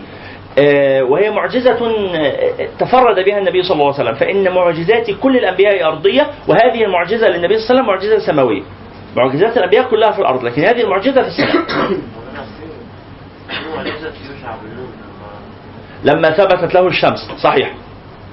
ولكن يعني هذا لم يأتي ذكره في القرآن لكن صحيح. آه، لما سيدنا يوشع بن نون وهو الفتى الذي فتى موسى الذي أصبح نبيا بعد ذلك هذا هذه ليست معجزة ليوشع بن نون هذه هذا هذه كرامة لطالوت فإن قائل هذه الكلمة ليس هو لم يكن هو يوشع بن نون. كان طالوت نعم. وتعرفون القصة ولم ترى الملأ من بني إسرائيل من بعد موسى إذ قالوا لنبي لهم ابعث لنا ملكا نقاتل في سبيل الله. قال عسيتم من كتب عليكم كتب عليكم القتال ولا تقاتلوا؟ قالوا وما لنا ألا نقاتل في سبيل الله وقد أخرجنا من ديارنا وأبنائنا فلما كتب عليهم القتال تولوا إلا قليلا منهم والله عليهم بالظالمين. وقالوا لهم نبيهم اللي هو سيدنا يوشع بن نون إن الله قد بعث لكم طالوت ملكا. قالوا أن يكون له الملك علينا ولم يؤت سعه من ال... ونحن أحق بالملك منه ولم يؤت سعه من المال قال إن الله اصطفاه عليكم وزاده بسطة في العلم والجسم والله يؤتي ملكه من يشاء والله واسع عليم وقال لهم نبيهم إن آيات ملك أن يأتيكم التابوت. الشاهد سيدنا طالوت اللي هو القائد ده ملك لم يكن نبيا. وقال لهم امتنعوا عن شرب الماء من النهر إلى آخره لغاية لما حصلت المواجهه وكادت شمس. كانوا يقاتلون يوم الجمعة. والنبي صلى الله عليه وسلم كانوا قال قاتلوا يوم الجمعة وكان عددهم يومئذ كعددكم يوم بدر. 313 واحد تقريبا. وكادت الشمس أن تغرب، إذا غربت الشمس دخلنا في يوم السبت، والله سبحانه وتعالى حرم على اليهود القتال يوم السبت، فالآن إذا الشمس غربت يتوقفون عن القتال وإذا توقفوا عن القتال ربما ينهزمون. فلازم يكملوا القتال، طب يعملوا إيه؟ فنظر سيدنا طالوت إلى الشمس، والشمس خلاص بتغرب. وعايز يلحق ينتصر قبل ما المغرب إيه؟ قبل ما الشمس تغرب ويبدأ يوم السبت، فنظر إلى الشمس وقال إنك مأمورة وأنا مأمور.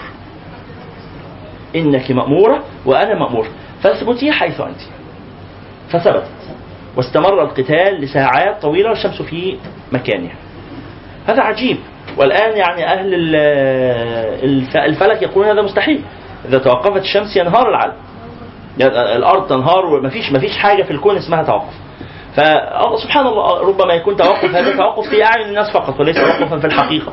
ربما يكون توقف في الحقيقة والله سبحانه وتعالى يعني يغير القوانين متى شاء وكيف شاء.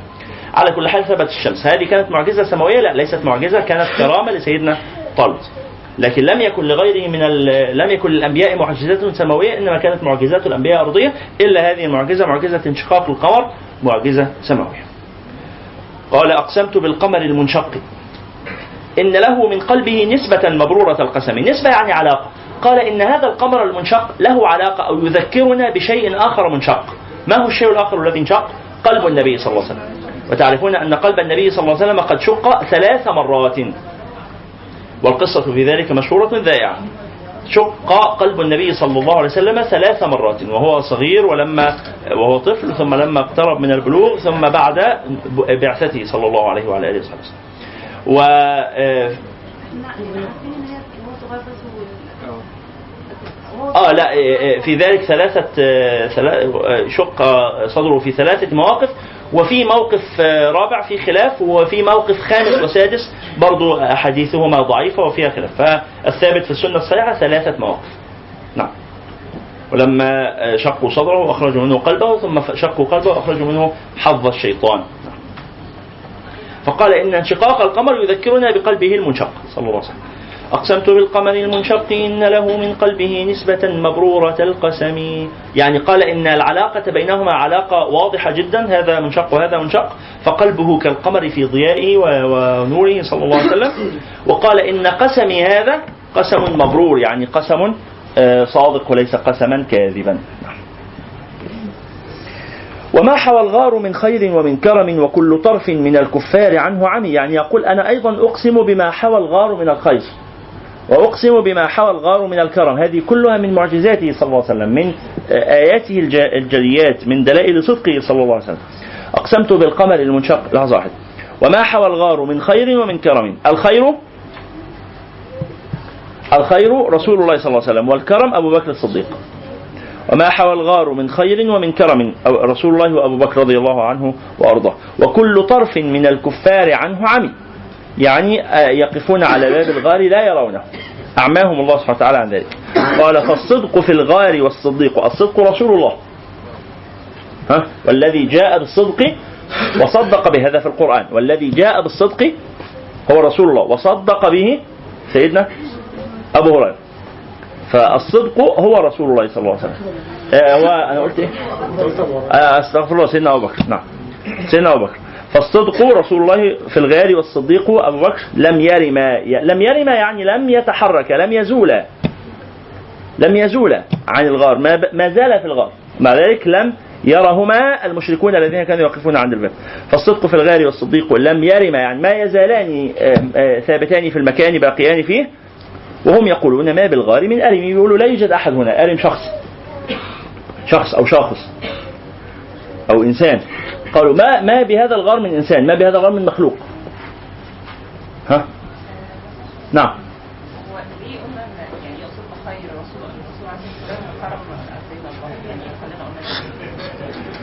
آه وما حوى الغار من خير ومن كرم ومن كرم. قلنا طيب ال- الخير والكرم رسول الله صلى الله عليه وسلم فيه خير وكرم وسيدنا أبو بكر فيه خير وكرم. ولكن رسول لكن آه، آه، نحن قلنا إن الخير يقصد به رسول الله والكرم يقصد به سيدنا أبو بكر لأن رسول الله صلى الله عليه وسلم آه، نفع عام للبشرية. الذي ساعد في نشر هذا الخير هو سيدنا أبو بكر. فسيدنا أبو بكر فيه معنى النشر ورسول الله هو الأصل. فالخير هو أصل النعمة والكرم نشرها. فيعني ممكن ممكن نقول إن الخير والكرم كلاهما رسول الله والخير والكرم كلاهما أبو بكر. فكل منهما رسول الله وأبو بكر فيه خير وكرم. أو أن نقول إن الغار حوى خيرا وحوى كرما من الله وهي. وهي ال- ال- الرسالة وهي ال- الهدى. كل هذا صحيح وكل هذا وارد.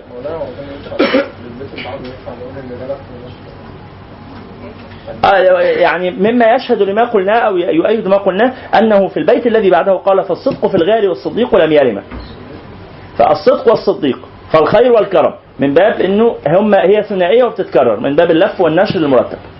الخير الصدق وال وال والكرم الصديق. فهمت هذا؟ نعم. سؤال؟ نعم. نسمة؟ خلاص واضح طيب. نسمة؟ ها؟ أقسمت برب القمر. نفس الكلام.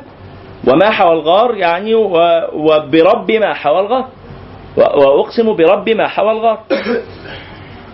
وأقسم برب ما حوى الغار من خير ومن كرم سبحانه وتعالى.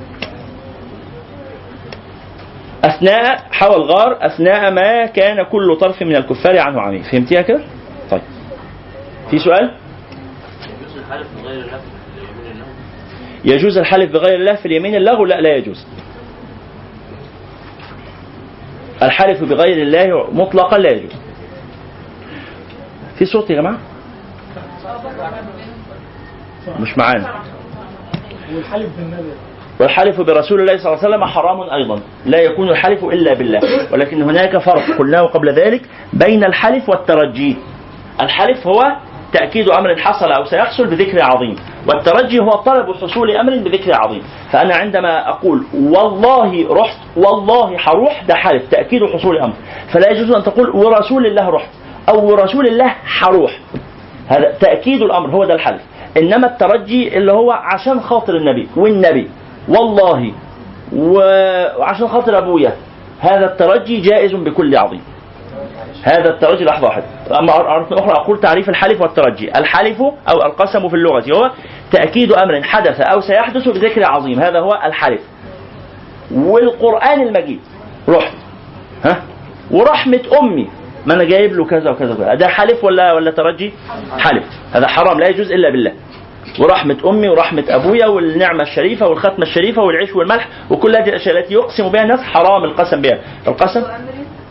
تأكيد أمر حدث أو سيحدث بذكر عظيم. تأكيد أمر حدث في الماضي أو سيحدث في المستقبل. هذا هو الحلف تأكيد أمر حدث أو سيحدث بذكر عظيم. وهذا لا يكون إلا بالله. وأما الترجي فهو طلب حصول أمر طلب حصول أمر بذكر عظيم. فأنا أطلب حصول أمر. أقول لك اديني البتاعة دي عشان خاطر أمي. فأمي عظيمة عندك بحكم إيه؟ أنها عطفت عليك وأنت صغير. ها؟ اديني بتاعنا عشان خاطر أبويا عشان خاطر ابني الغلبان ونحو ذلك. فهذا جائز ولا إشكال فيه؟ نعم.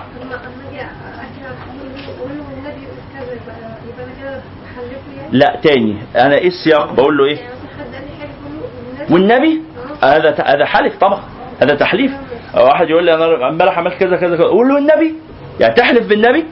هذا لا يجوز هذا حرام. هذا حلف طبعا. هذا تأكيد أمر حدث. لكن والنبي والنبي هات لي البتاع اللي معاك هذا ترجي طبعا واضح في معناه وهذا الترجي جائز. هذا الترجي جائز. في الصوت الجانبي. في سؤال؟ يلا. قال وما حوى الغار من خير ومن كرم وكل طرف من الكفار عنه عمي فالصدق في الغار والصديق لم يرما وهم يقولون ما بالغار من أرم ظن الحمام وظن العنكبوت على خير البرية لم تنسج ولم تحمي وقاية الله أغنت عن مضاعفة من الدروع وعن عال من الأطم. ظن الحمامة؟ ظنوا أي علموا. الظن هنا بمعنى العلم. ظنوا أي علموا. أحمد شغل ظن الحمامة. وظنوا أي علموا أيضا العنكبوت على خير البرية لم تنسج ولم تحمي. يعني لما رأوا. ثبت. ثبتها ثبت لما رأوا أن ال- ال- الحمامة قد نسجت قد ثبتها.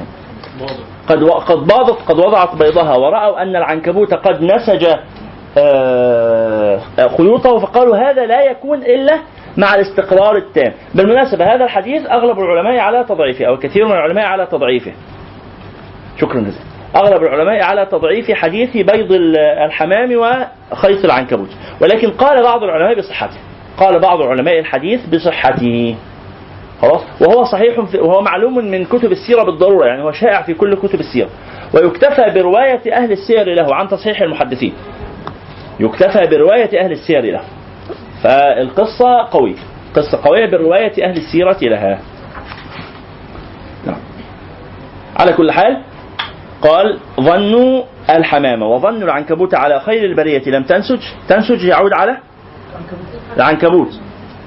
وتحمي يعود على الحمام. فهذا من باب اللف والنشر الايه المشوش وليس المرتب. فالحمام وبدأ بالحمام وثنى بالعنكبوت. ثم لما ذكر الأفعال ذكر فعل العنكبوت أولا ثم فعل الحمام. هو ده اللف والنشر. ذكر ذكر مجموعة من الأشياء متوالية ثم ذكر صفاتها.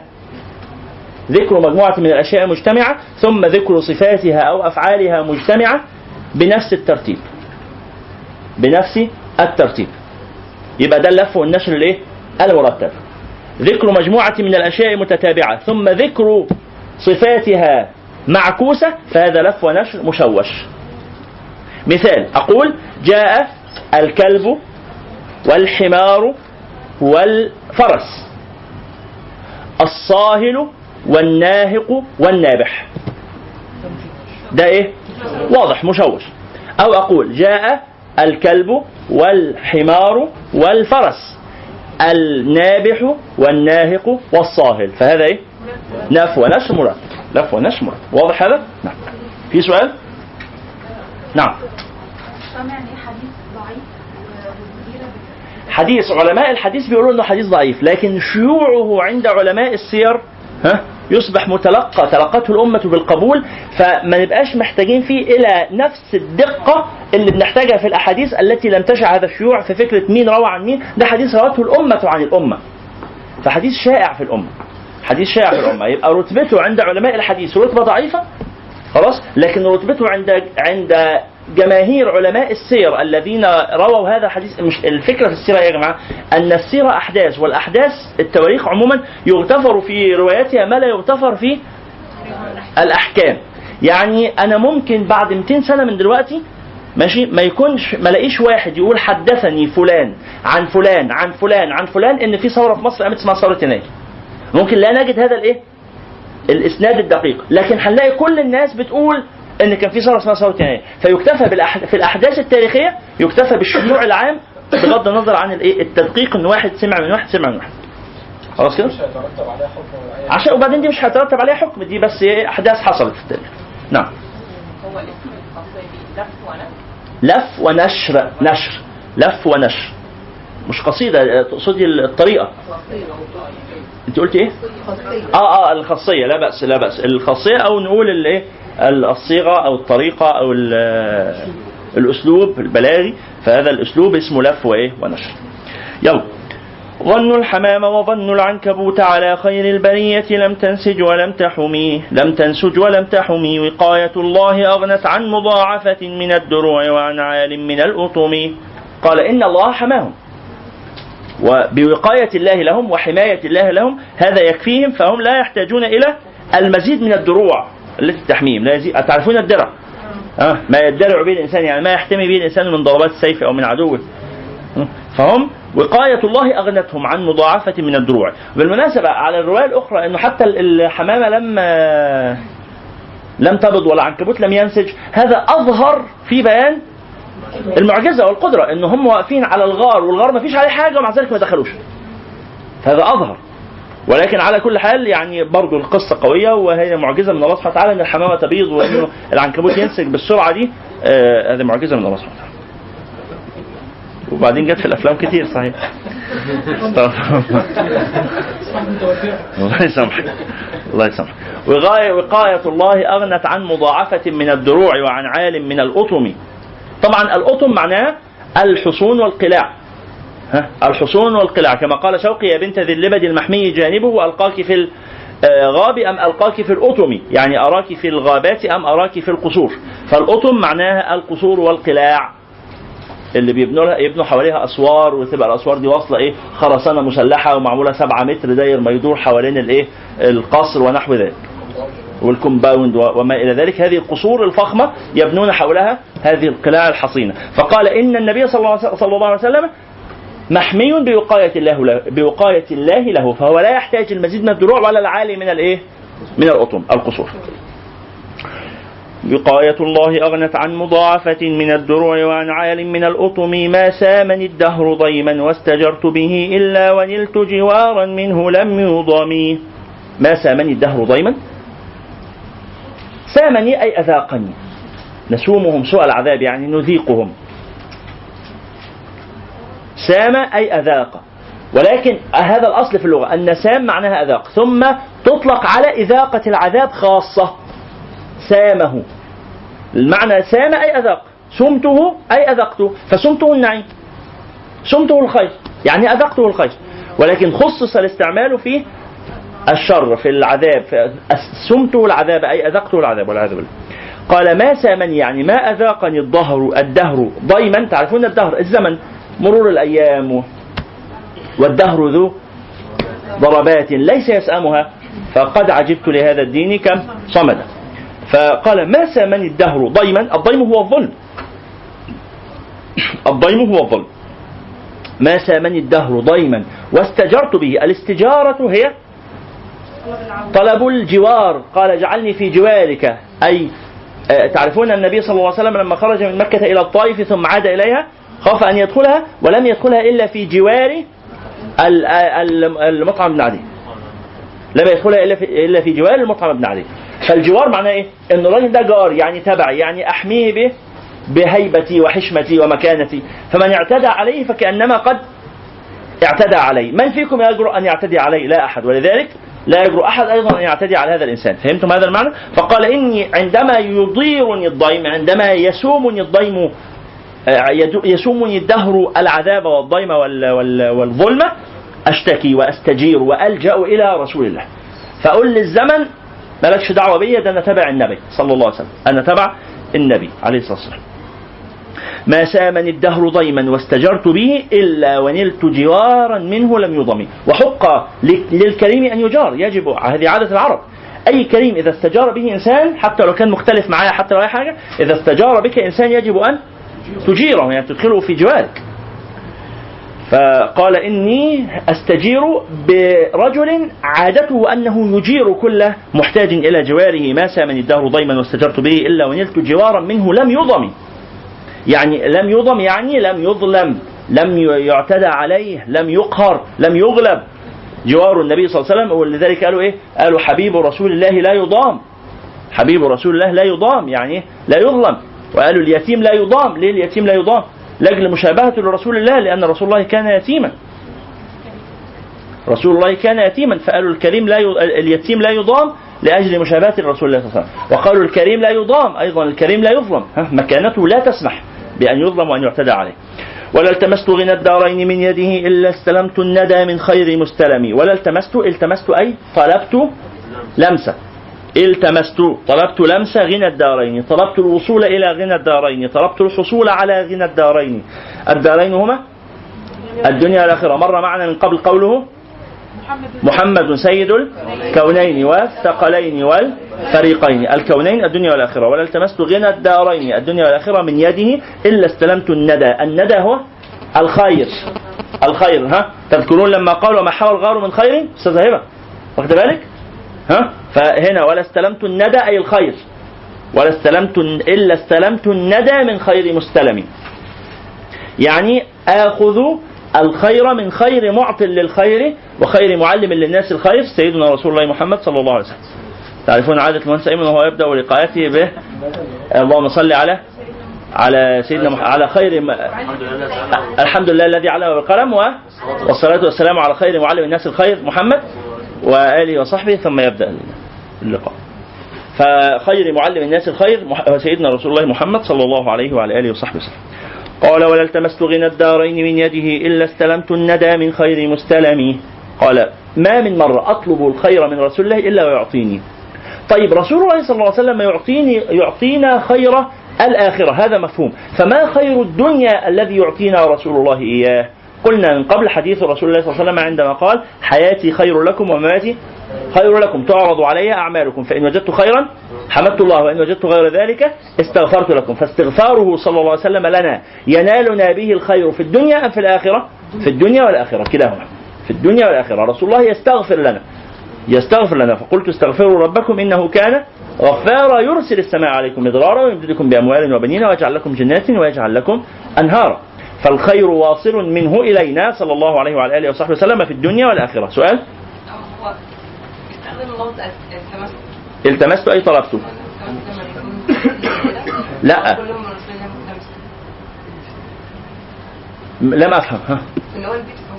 وكلهم من رسول الله ملتمس. ملتمس أي آخذ؟ مش هو اللي هو طلب معنى بس نفس الكلام. نفس لفظ إيه المشكلة؟ لا هم يلتمسون من رسول الله. آه تقصدي أن الالتماس آه فهمت. أختي بتقول أليس الالتماس هو الطلب من المساوي؟ ألم نقل إن الطلب من الأعلى اسمه دعاء والطلب من الأدنى اسمه أمر والطلب من المساوي اسمه التماس؟ ها تذكرون هذا؟ لما قال لما قال آه، وكل من رسول الله ملتمس غرفا من البحر أو رشفا من الديم فقال كيف نقول هنا؟ أو كيف يقول إني التمست؟ ولم يقل إني آه، دعوت أو كده أن آه، أن الناس جميعا وإياه صلى الله عليه وسلم متساوون في معنى البشرية. فهو ليس إلها وليس ابن إله وليس آه، صاحب قدرات ألوهية ولا شيء من ذلك. إنما هو بشر. إنما أنا بشر ها؟ مثلكم. يوحى إلي. هذا هو الفرق. فنحن نلتمس منه صلى الله عليه وسلم يعني نطلب منه وهو بشر مثلنا صلى الله عليه وعلى آله. في سؤال؟ نلتمس منه أي نطلب منه. نطلب منه. نقول له لو سمحت أوصل إلينا مما عندك من الخير. أعطنا مما أعطاك الله آه تقولين كيف أن نلتمس اليوم من رسول الله وقد مات بالصلاة عليه؟ بالصلاة عليه فإنه صلى الله عليه وسلم يقول من صلى علي صلاة صلى الله عليه بها عشرة. ويقول صلى الله عليه وسلم ما زارني زائر عند قبري و... و...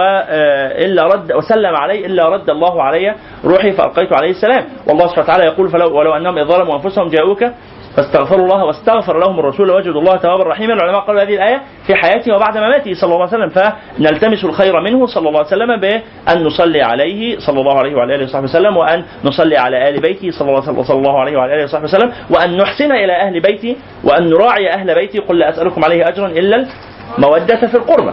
نعم فهذا التماس الخير منه صلى الله عليه وسلم. تعرفون قصة سيدنا عبد الله بن عباس لما سار مع سيدنا معاذ بن جبل رضي الله تعالى عنه وأرضاه وسيدنا آم، آه، عبد الله بن عباس قال لسيدنا إيه معاذ بن جبل اركب على الدابة ومشى سيدنا عبد الله بن عباس وأمسك بإيه؟ بحبلها أو ب- ب- كده. فسيدنا معاذ قال ما تفعل يا يا ابن عم رسول الله؟ ده ابن عم النبي صلى الله عليه وسلم يعني شريك في المجتمع. فإزاي كده تشدني؟ تعرفون آه، سيدنا عبد الله بن عباس عالم لكنه صغير السن مقارنة بسيدنا معاذ بن جبل. فقال ماذا تفعل يا ابن عم رسول الله صلى الله عليه وسلم؟ قال هكذا أمرنا أن نفعل مع علمائنا. إحنا بشد لك الجمل من باب إن أنت من العلماء ولازم واجب علينا توقير العلماء حتى لو كنا من أهل البيت. خلاص؟ هكذا أمرنا أن نفعل بعلمائنا. فنزل سيدنا معاذ بن جبل وأمسك بيده وقبلها وقال هكذا أمرنا أن نفعل بآل بيت نبينا صلى الله عليه وعلى آله وصحبه فالود والاحترام المتبادل في المجتمع بين العلماء والأولياء. نعم. قال ما سامني الد... ولا التمست غنى الدارين من يده إلا استلمت الندى من خير مستلمي. لا تنكر الوحي من رؤياه إن له قلبا إذا نامت العينان لم ينمي. وذاك حين بلوغ من نبوته فليس ينكر فيه حال محتلم قال وذاك حين بلوغ. لا تنكر الوحي من رؤياه. يعني لا تقل إن رؤيا النبي صلى الله عليه وسلم وهم. أو أن رؤيا النبي خرافات وأضغاث أحلام. لا بل رؤياه إيه؟ وحي. لا تنكر والنبي صلى الله عليه وسلم قال رؤيا الأنبياء وحي فلا تنكر الوحي من رؤياه. يعني إذا آه، آه، رأى النبي صلى الله عليه وسلم رؤيا فهذه الرؤيا وحي من الله وليست خرافات وليست أضغاث أحلام. لا تنكر الوحي من رؤياه. إن له قلبا إذا نامت العينان لم ينم.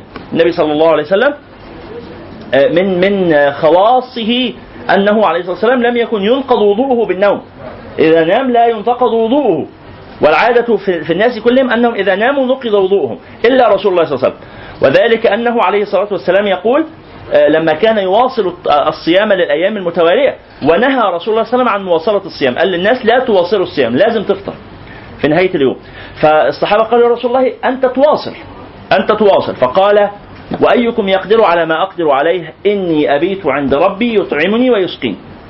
إني أبيت عند ربي يطعمني ويسقيني. يعني هذا خاص بأنتم لن تستطيعوا فعل ذلك. والنبي صلى الله عليه وسلم يعني يقول هذا من باب ألا يشق على أمته. ولكن العلماء قالوا أن النبي صلى الله عليه وسلم لما أمرنا بهذا كان من باب الرحمة بنا ولكن مواصلة الصيام جائزة وقد فعلها الصحابة رضوان الله عليهم. لكن للقادر على ذلك للي مواصلة الصيام مش هتؤدي به إلى إهلاك نفسه أو إن هو يموت. سيدنا عثمان بن عفان كان يواصل الصيام وسيدنا عبد الله بن عمر كان بيواصل الصيام يعني يصوم ثلاث أو أربع أيام متواصلة بلا أكل ولا شرب وهذا يعني أمر معتمد على القدرة البدنية والقدرة النفسية وبعض الناس يطيق ذلك وبعضهم لا يطيق وقد جربت مثل ذلك آه، مرات ووجدته سائغا يعني. لا. لا بلا أكل ولا شرب؟ مطلقا آه، يعني هي أدرى هي أدرى هي أدرى. لا.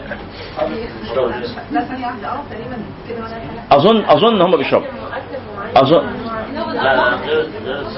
غير غير الصيام الممتد ل 40 يوم لا. غير ده أظن هم بيشربوا بيشربوا. يمتنعوا على الأكل. يعني على كل حال بغض النظر هذا لا علاقة لنا به. على كل حال مرة أخرى قال ها؟ لا تنكر الوحي من رؤياه إن له قلبا إذا نامت العينان لم ينم. يعني إذا أغمض عينيه لا تظن أن قلبه غافلا. بل قلبه متصل بالله سبحانه وتعالى ولذلك فهو في يقظة وفي انتباه. فلا تقل إنه في هذه الحالة غافل عن ذكر الله بل هو متصل بالله تعالى. لا تنكر الوحي من رؤياه إن له قلبا إذا نامت العينان لم ينم. وذاك نعم. هو يقول لك لا تظن أن الرؤيا التي يراها النبي صلى الله عليه وسلم تكون أضغاث أحلام أو تكون خرافات لأنه لأنك تظن أنه يراها في وقت الغفلة. هو ليس غافلا. هو متيقظ حال نومه صلى الله عليه وسلم. يعني هو منتبه عند نومه صلى الله عليه وسلم. فهمت المعنى؟ نعم. قال وذاك حين بلوغ. يعني هذه الحالة كانت قبل أن يبل... قبل أن يكون نبيا أصلا. أتعرفون أن النبي صلى الله عليه وسلم قال إن الرؤيا الصادقة جزء من سبعين جزءا من النبوة. وقال صلى الله عليه وسلم إنه أول ما بدأ به من الوحي كان الرؤيا الصادقة فكان لا يرى رؤيا إلا وقعت مثل فلق الصبح وكان هذا قبل نبوته صلى الله عليه وسلم. فقال إذا كان النبي قبل أن يبلغ وهو صبي صغير وهو آه، شاب كبير وقبل أن يكون نبيا أصلا كانت رؤياه صادقة معبرة عن الواقع ولم تكن أضغاث أحلام ولا خرافات وأوهام. فكيف يمكن أن يكون هذا قد حصل له أو يحصل له بعد إيه؟ بعد نبوته. هذه هذا من معجزاته. يعني ما علاقة هذا البيت بالخاص الذي نحن فيه؟ أنه من معجزاته صلى الله عليه وعلى آله وصحبه وسلم أنه تنام عينه ولا ينام قلبه.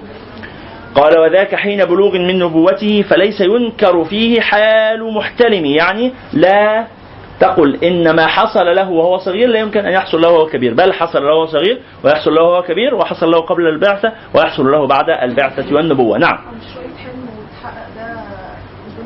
ممكن يحصل. ما هو النبي صلى الله عليه وسلم قال إن هذا يعني جزء من سبعين جزءا وهو يجعله الله سبحانه وتعالى هذا من بقاء النبوة. قال النبي صلى الله عليه وسلم في الحديث الآخر إن مما يبقى في النبوة من أم في أمتي من بعدي الرؤيا الصادقة. فهذا من النبوة يعني هذا من كرم الله سبحانه وتعالى. يشبه النبوة في إنه وحي ان بعض الناس حتى ممكن من الكفار من الكفار. يرون الرؤيا ثم تحصل آه، كما رأوا. هذا يحدث للفساق حتى ولغيرهم. وحدث للملك المشرك آه، في سورة يوسف وغيرها. وحدثت لفرعون. نعم. حدثت لفرعون؟ ما هذا إني أرى ده ده ليس في القرآن. آه آه صحيح صحيح. صدق تذكر. أنه كان يقتل الصبيان لأجل رؤيا رآها صحيح وكانت رؤيا حق. في سؤال سؤال وذاك هذه الرؤيا الصادقة حين بلوغ من نبوته قبل أن يبلغ النبوة لما اقترب من النبوة ولم. لم. يصبح نبيا بعد كانت تأتيه الرؤيا الصادقة فلا تنكر هذا بعدما جاءته النبوة الصادقة في سؤال؟ صوت لو سمحت قال وذاك حين بلوغ من نبوته فليس ينكر فيه حال محتلمي محتلمي تبارك الله. ما وحي بمكتسب إحنا بس سنقرأ هذه الابيات عشان إيه ننتهي النهارده من الفصل. عشان ننتهي اليوم إن شاء الله من الفصل الخامس فثلاث دقائق بالكثير وهنخلص بإذن الله تعالى. قال تبارك الله. هو يعظم الله سبحانه وتعالى وينزه الله سبحانه وتعالى. آه، الجميع الإخوة والأخوات كتبتم اسماءكم في هذا الكشف؟ لو حد ما كتبش اسمه يكتبه لو سمحت فين كشف الإخ- الإخوة أهو. اتفضل وكشف الأخوات راجع لكم. لو حد ما كتبش اسمه يكتبه يسجله بارك الله فيك. رجعوا ورايا قال ها؟ وذاك حين بلوغ من نبوته فليس ينكر فيه حال محتلم تبارك الله. ينزه الله سبحانه وتعالى ويعظم الله سبحانه وتعالى. ما وحي بمكتسب. تعرفون أن الولاية تكون مكتسبة. أن تكون من أولياء الله هذا بمجهودك. ولكن النبوة ليست مكتسبة إنما هي محض اصطفاء من الله. يعني مش لما تجتهد في الايه في العبادة شوية تبقى نبي. لا. هذا من اصطفاء الله سبحانه وتعالى. هقول لكم إيه علاقة البيت ده باللي قبله حاجة. تبارك الله. ما وحي بمكتسب. هو لم يصبح نبيا بإرادته. إنما الله اصطفاه نبيا. ولا نبي على غيب بمتهم. يعني إن النبي إذا أخبر عن الغيب سواء كان إخباره هذا سواء كان الخبر هذا قد أتاه عند يقظته أو أتاه عند نومه فهو في الحالين غير متهم النبي يخبر عن الغيب وهو صادق في إخباره سواء كان الخبر قد جاءه في يقظته وهذا الوحي أو جاءه في نومه وهذا هو الوحي أيضا واضح هذا؟ في سؤال؟ أي سؤال؟ نعم قال تبارك الله ما وحي بمكتسب ولا نبي على غيب بمتهم كم أبرأت وصبا باللمس راحته؟ هذا من معجزاته أيضا صلى الله عليه وعلى آله وصحبه وسلم. كم أبرأت وصيبا باللمس راحته؟ وأطلقت آريبا من ربقات الأمام أبرأت أي شفت؟ كم وكم تفيد التكثير؟ ياما حصل. كم أبرأت؟ ياما شفت. وصبا. وصبا أي؟ محموما أو مريضا. باللمس راحته بمجرد أن يلمسه صلى الله عليه وعلى اله وسلم هذا حاصل آه، في حياته كثيرا عليه الصلاة والسلام. أنه كان يذهب إلى المريض فيضع شيئا من ريقه يخلطه بتراب الأرض ثم يمسحه عليه. ويقول اللهم بريق أحدنا يشفى مريضنا اللهم رب الباس أذهب الباس واشفي أنت الشافي لا شفاء إلا شفاؤك شفاء لا يغادر سقما. وبهذا الدعاء يشفى هذا المريض. طبعا بكرم الله سبحانه وتعالى. فقال كم أبرأت واصبا؟ وهنا هل هل الشافي هو النبي ولا الشافي هو الله؟ الشافي هو الله سبحانه وتعالى ولكن الله سبحانه وتعالى وهو الشافي يظهر الأمر على يد النبي صلى الله عليه وسلم كما أن الفاعل لكل أمر في الحقيقة هو الله ومع ذلك أقول عن نفسي أني قد جئت وذهبت و... وضربت وصنعت وأكلت وأنا في الحقيقة لم أفعل كل هذا إنما الفاعل لكل ذلك في الحقيقة هو الله. ولما أقول فلان أزهق روح فلان. مش كده ولا إيه؟ لو واحد آه، لو لو أن انسانا خلق الآخر حتى أزهق روحه مش بنقول كده؟ خالد أزهق روح عمرو ها؟ ولكن في الحقيقة الذي أزهق روح عمرو ليس هو خالد وإنما هو الله وال- والله تعالى أظهر زهوق روح عمرو على يد إيه؟ خالد فهمتم هذا؟ كم أبرأت واصبا باللمس راحته وأطلقت آربا من رفقة اللمم آربا الآرب هو المذنب العاصي من رفقة أي أسر اللمم يعني الذنوب. وفي هذا القصة مرة أخرى معاني الكلمات وأنا أقول لكم القصة. آربا أي؟ عاصيا مذنبا. من ربقتي يعني من أسري من قيدي من غلي. اللمم يعني الذنوب الصغيرة والقصة في ذلك أن رجل ذهب إلى النبي صلى الله عليه وسلم وقال له ائذن لي في الزنا. وتعرفون القصة؟ وقال له أترضاه لأمك ترضاه لأختك إلى آخره. ثم مسح على صدره وقال اللهم آه اللهم آه استغفر الله لا نسيت دعا لصدري بشيء ثم قال اللهم آه، ربما آه حصل له فرجه وإيه؟ اللهم حصل له فرجه واغفر له ذنبه. ومسح على صدره صلى الله عليه وسلم فخرج الرجل من عند النبي صلى الله عليه وسلم قال وما اشتهيت الزنا بعد ذلك. خلاص. انصرفت عيني عن وقلبي عن شهوة هذا الشيء المرذول. فقال إن هذا الرجل قد شفي من آه ويبقى إذا في شفاء براحته من آه آه أمراض البدن ومن أمراض الإيه؟ الصدر والقلب صلى الله عليه وعلى آله. كم أبرأت وصبا باللمس راحته وأطلقت آربا من ربقة اللمم وأحيت السنة الشهباء دعوته حتى حكت غرة في الأعصر الدهم وأحيت السنة الشهباء دعوته. السنة الشهباء هي السنة التي تكثر فيها الشهب. السنة الشهباء سنة تكثر فيها الشهب والشهب لا تكون إلا في الليالي الصائفة. ها؟ حيث السماء صافية تماما ها؟ في أيام الصيف أو في ليالي الصيف. فهذه الليلة الصائفة تكون صافية فتكثر فيها الشهب تعرفون أن موسم الشهب في كل عام يكون في شهر آه، سبعة. شهر سبعة وثمانية من كل سنة إيه؟ شهر ثمانية من كل سنة بيبقى فيه زخات شهابية كثيرة تملأ السماء نراها في السماء خلاص؟ ليه السماء صافية تماما. فقال إن النبي صلى الله عليه وسلم لما تعرفون القصة لما ذهب إليه آه، الناس وقد اشتكوا من آه، عدم نزول المطر وكان يخطب الجمعة. فاشتكوا من عدم نزول المطر حتى آه، يعني تعبت الماشية وكادت تهلك ولا يجدون ما يشربون. فدعا الله سبحانه وتعالى أن ينزل عليهم المطر. فما أكمل النبي الخطبة حتى امتلأت سماء مكة سماء المدينة بال- بالغيوم. ثم أمطر الناس وظل المطر ممتدا إلى الجمعة التالية. ثم في الجمعة التالية جاء نفس الرجل الذي قال في الجمعة السابقة يا رسول الله هلك؟ قال إيه آه، يا رسول الله جف الضرع وهلك الزرع. في المرة الأولى. قال جف الضرع وهلك الزرع. ال- ال- ال- ال- العشب مات والضرع يعني الماشية ما بتنزلهاش لبن لأن ما شربتش. ما هو اللبن بيجي منين؟ تشرب نزل لبن. فقال جف الضرع وهلك الضرع.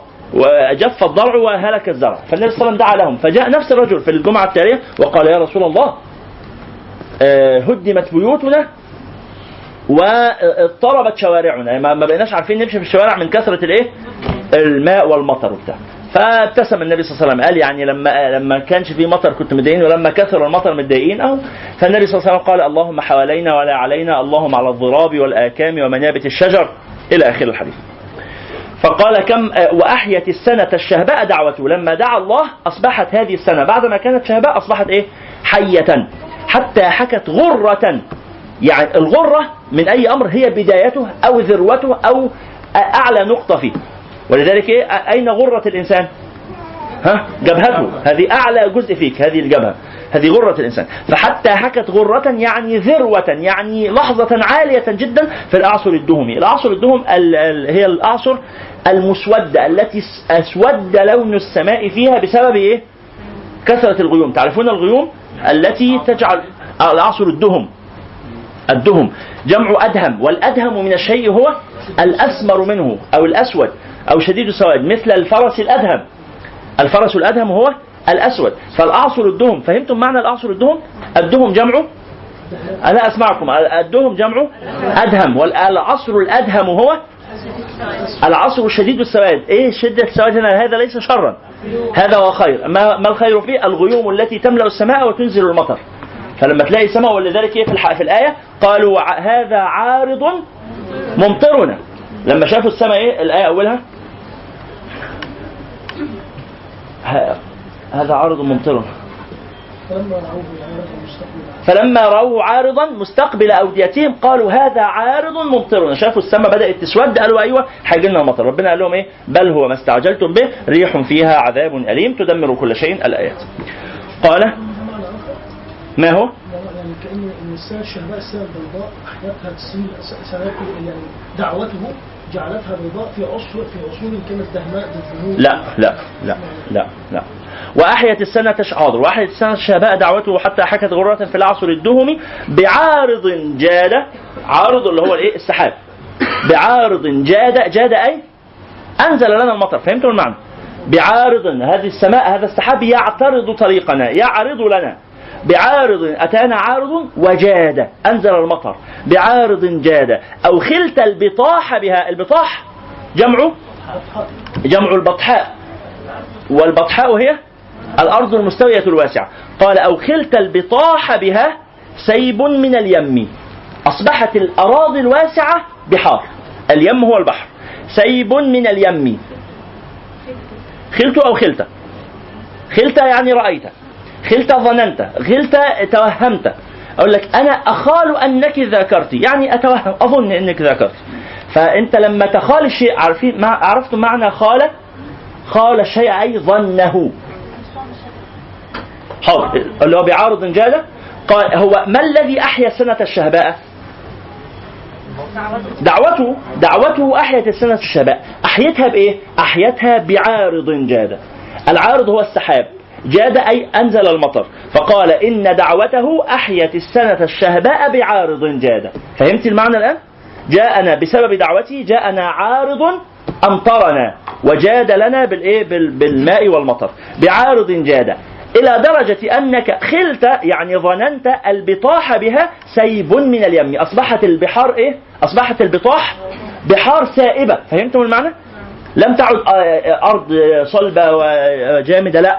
أصبحت بحارا سائبة سيب من اليم أو سيل من العارم العارم هو السيل الشديد وهذا في القرآن قول الله سبحانه وتعالى فأرسلنا عليهم سيل العرم. نعم. فقال أنت إذا بسبب دعوتي إذا رأيت ال- الماء الذي ملأ البطاح ظننته بحرا أو ظننته سيلا عارما. وهذا كله من معجزاته صلى الله عليه وعلى آله وصحبه وسلم. ثم قال بعد ذلك في شرف القرآن دعني ووصف آيات له ظهرت ظهور نار القرى ليلا على علم فالدر يزداد حسنا وهو منتظم وليس ينقص قدرا.